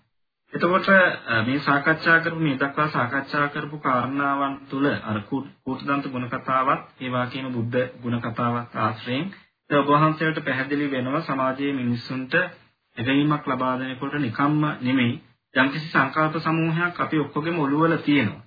ඒ කියන්නේ අපේ ඔළුවලට දාලා තියෙන හරි අපේ ඔළුවලට දාගෙන තියෙන හෝ ඒ සංකල්ප අනුසාරයෙන් තමයි වඩ වඩාත් වඩ වඩාත් ප්‍රකටව ඉස්මතු වෙන. ප්‍රකටව ඉස්මතු වෙන සංකල්ප ඒ අදහස් අනුසාරයෙන් තමයි අපි මිනිස්සුන්ට වටිනාකම් ලබා දෙන්නේ. එතකොට කුලය, ධනය, උගත්කම, බලය, සමාජීය භූමිකාව, රූමත්කම, ගුණවත්කම ආදී මේ ආදී යම් යම් හේතු සාධක සමූහයක් පෙරට කොටගෙන තමයි ඔය ඇගීම් සිද්ධ කරන්නේ. එතකොට පැවිද්දෙක් පිළිබඳව ඇගීමක් සමාජය තුළ සිද්ධ කළ යුත්තේ කෙසේද? ඒ වගේම සාමාන්‍ය ගෘහස්තී කාමභෝගී ගිහියෙක් පිළිබඳ සමාජයේ තුල ඒ ඇගීම් සිද්ධ වෙලා තියෙන්නේ කොහොමද කියන කාරණාව මෙහිදී සුවිශේෂී වශයෙන් හඳුනා ගන්න පුළුවන්. ඒ වගේම මේ කානුමත ගම්පියසේ ජීවත් වෙච්ච බ්‍රාහ්මණ ගෘහපතියන් තුල පැවිදිච්ච සත්පුරුෂ ස්වභාවය, ඒ වගේම තත්කාලීන සමාජයේ ස්වરૂපය පිළිබඳව මීට අවුරුදු 20කට 30කට ඉස්සර වෙලා ලංකාවේ සමාජයේත් මේ තරම් වෙනසක් තිබෙන්නේ නැහැ සාමූහික පරිභෝජනයක් නේ අපිට බොහෝ වෙලාවට තිබෙන විශේෂයෙන්ම ගම් ආශ්‍රිතව ගත්තොත් පොදු ලිඳක් නාන්න නෑම ආදී දේවල් වලට කොයිතැන් කටයුතු වෙනවා ඒ වගේ දේවල් එක තිබ්බේ මිනිස්සුන්ට එකතු වෙන්න අවස්ථාවක් තිබ්බා. මිනිස්සු සාමූහික වශයෙන් කටයුතු කළේ බොහොම ඉක්මනින් මිනිස්සු හරහාම ඒ පොදු බිඳලාගදී හරි ගයිබනාගදී හරි නැත්නම් පන්සලේදී හරි කොහේ හරි එකතු වෙන තැන්වලදී පැතිරලා යන අවස්ථාවක් තිබ්බා. එතකොට එදා කියන මේ සමාජය අනේ වගේ බොහොම නියම. අර සාමූහික දිවි පැවැත්මක් තුළ අර්ථවත් වූ සමාජ ක්‍රමයක පැවැත්ම පිළිබඳවත් මේ කියන සාකච්ඡාව තුළ සූත්‍ර දේශනාව තුළ ඇතුළත් වෙච්ච කාරණාවන් තුළින් හඳුනා ගන්න පුළුවන්කම තියෙනවා. දැන් මේ සූත්‍ර දේශනාවට ප්‍රවේශය සැලසෙන තැන දක්වා තව ඡේද දෙකක් විතර තියෙනවා. අපි මේ ඡේද දෙකක් සාකච්ඡා කරමු. ඒ කොටස මහා විජිත රාජ යන්න යන්න කතා හැටියට නම් වෙලා තියෙනවා. අතකෝ කෝටදන්තෝ බ්‍රාහ්මණ ඊට පස්සේ කෝටදන්ත බමුණා මේ බමුණු පිරිසත් එක්ක බුදුරජාණන් වහන්සේ බැහැ දකින්න ගියා. මෙන්න මේ ඡේදයේ තුල පෙන්වලා දෙනවා අර බුදුරජාණන් වහන්සේ ළඟට ඇවිදිච්ච පුද්ගලයා අර පුද්ගලනානත්වය පුද්ගලයන්ගේ විවිධත්වය විසමත්වය එතකොට කොහොමද ක්‍රියාත්මක වෙලා තියෙන්නේ කොටදාන්ත බබන බුදුරජාණන් වහන්සේත් එක්ක පිළිසඳර කතා කරලා සතුටු වීතු සිහිකල යුතු කතා කරලා ඉවර වෙලා තමයි එක පැත්තකින් වාඩි වෙන්නේ එතකොට ඒ ඔහුත් එක්ක ගියපු බමුණු පිරිසකින් සමහර කෙනෙක් බුදුරජාණන් වහන්සේට වැඳලා පැත්තකින් වාඩි වෙලා තියෙනවා සමහර කෙනෙක් බුදුරජාණන් වහන්සේත් එක්ක කතා කළ යුතු කතා බහක් කරලා නිමවලා එක පැත්තකින් වාඩි වෙලා තියෙනවා. ඒතකොට සමහර කෙනෙක් බුදුහාමුදුරුවෝ ඉන්න පැත්තට ඉන්න දිශාවට ඇඳිලි බැඳලා වාඩි වෙලා තියෙනවා. ඒ කියන්නේ වැඳලා වන්දනා කරලා වාඩි වෙලා තියෙනවා. සමහර කෙනෙක් නම් ගොත් කියලා මම අහවල් කෙනා කියන එක කාරණාව සඳහන් කරලා වාඩි වෙලා තියෙනවා. සමහර කෙනෙක් ඔය මුකුත්ම නැතුව ඉහළ පැත්තකින් වාඩි වෙලා තියෙනවා. හැබැයි ඒක අන්තිමටම දක්වලා තියෙන්නේ. ඒකට අර මුලින් මුලින් ඒකෙත් අර පොලිටිය ගුණාත්මක බව වැඩි දියුණු වන ආකාරයට තමයි එතකොට ඒ පිළිබඳවත් එතකොට සඳහන් වෙන්නේ. එතකොට මේ පුද්ගල විවිධත්වය විෂමත්වයේ සහ ස්වභාවයේ ස්වરૂපයේ පිළිබඳව එතකොට ඒ අය මේ බුදුරජාණන් වහන්සේ කරා පැමිණිච්ච ආකාරය පිළිබඳව සූත්‍ර දේශනාවට මේ මේ අන්තර්ගත කරනකොට වැදගත් කියන හිඳීමෙන් යුක්ත ධර්ම සංග්‍රහකයන් වහන්සේලා මේ කියන උතුරුතයක් එකතු කරලා තියෙනවා. ඒකමන්ත එකක් එකක් පස්සට හිටපු කූටදන්ත බමුණ බුදුරජාණන් වහන්සේගෙන් මේ විදිහට විමසීමක් කරනවා සුතම්මේතම් බෝ ගෝතම සමනෝ ගෝතමෝ තිවිදං යඤ්ඤ සම්පදං සෝලස පරික්කාරං ජානාති සමන ගෞතමයන් වහන්සේ ත්‍රිවිධ යාග සම්පත්තිය සෝලස් පිරිකරක් දනියයි. මා විසින් මෙය අසන ලදී. නකෝපනාහං ජානාමි තිවිදං යඤ්ඤ සම්පදං සෝලස පරික්කාරා. මම වනාහි ත්‍රිවිධ යාග සම්පත්තිය සෝලස් පිරිකරක් නොදනිමි. ඉච්ඡාමි චාහං මහා යඤ්ඤං යදිතුම්. මම මහා යාගයක් යෙදීමටද කැමැත්තෙමි. සාදු මේ භවං ගෝතමෝ ත්‍රිවිධං යඤ්ඤ සම්පදං සෝලස පරික්කාරං දේශේතු බවත් ගෞතමයන් වහන්සේ මට ත්‍රිවිධ යාග සම්පත්තිය සොලස් පිළිකරක් දේශනා කරන්නේ නම් යහපති මනමයි කියන මෙන්න මේ කියන ආරාධනාව සිද්ධ කළා. මොන මෙතනින් එහාට තමයි දැන් සූත්‍ර දේශනාව ආරම්භ වෙන්නේ. ඇත්තටම මේ අද අපි මේ සාකච්ඡා කරපු කොටස සූත්‍ර දේශනාවේ නිදානය. සූත්‍ර දේශනාවේ නිදානය. එතකොට දැන් මෙතනදී මේ සූත්‍ර දේශනාව ඉතාමත් විශේෂාකාරයකින් මෙතනින් එහාට මේ කාරණාව පැහැදිලි කෙරෙන්නේ බුදුරජාණන් වහන්සේ අර දෘෂ්ටාන්ත කතාවක් එහෙම නැත්නම් නිදර්ශන කතාවක්.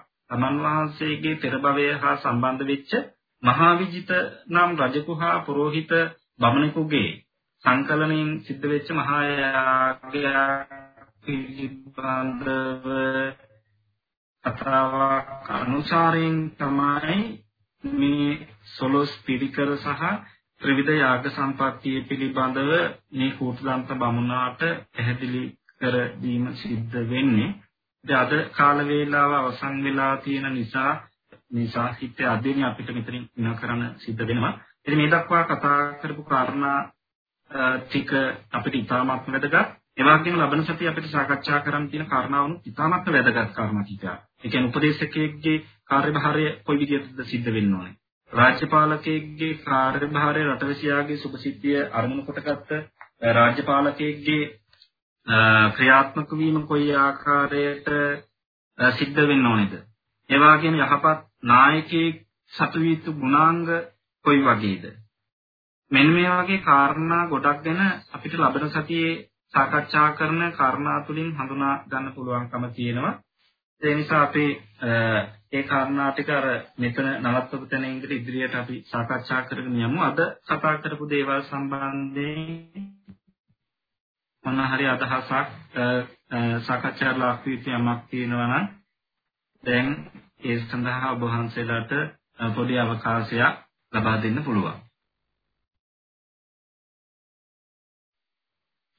හාමුදුරනේ මේ අර ගිය සතිය අර අනුත්තර සංගාම විජය ඔව් ඒ එහි ඒක මේ මජ්ක්‍ධිම නිකායේ බහුධාතුක සූත්‍රයට හඳුනන්නේ මේ ඒ විදිහට නම් පහකින් හඳුන්වලා තියෙනවා. බුදුහාමුදුරුවෝ වහන්සේ මට ගිය සතිය ගැන මේ මතක් කරලා මෙහෙම සූත්‍ර දේශනාවක් හමු වෙලා තිබුණා. මම බැලුවා හඳුනන්නේ සස්පාතික තවංගානන්ද ඉමන් ධම්මපරියායන් බහුධාතුක හඳුනන්නේ. ඔව් ඔව් ඔව්.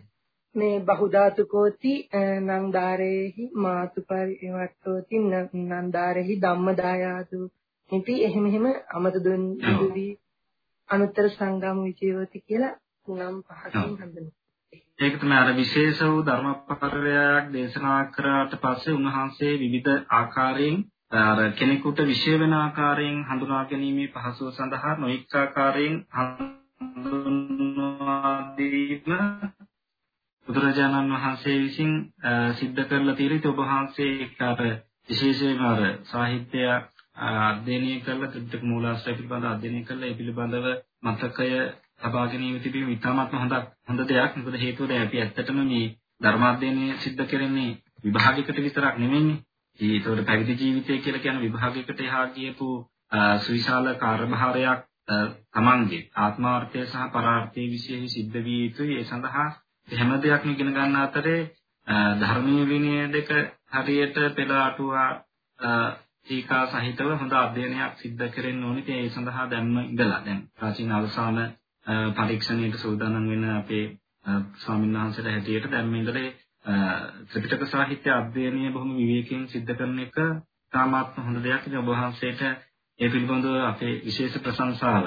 ඒ කියන්නේ අර අපේත් මතකයෙන් ඒ ප්‍රස්තුතයට අදාළ කරගන්න පුළුවන් කාරණාවක් මේ විදිහට අනිත් අයගේ දැන ගැනීම ප්‍රශංසාවක් වෙන්න ඕනේ. හොඳයි. තත් යමක් නැහැ නේද එහෙමනම්? අපි එහෙමනම් අදට මේ සාකච්ඡාව මෙතනින් අවසන් කරමු.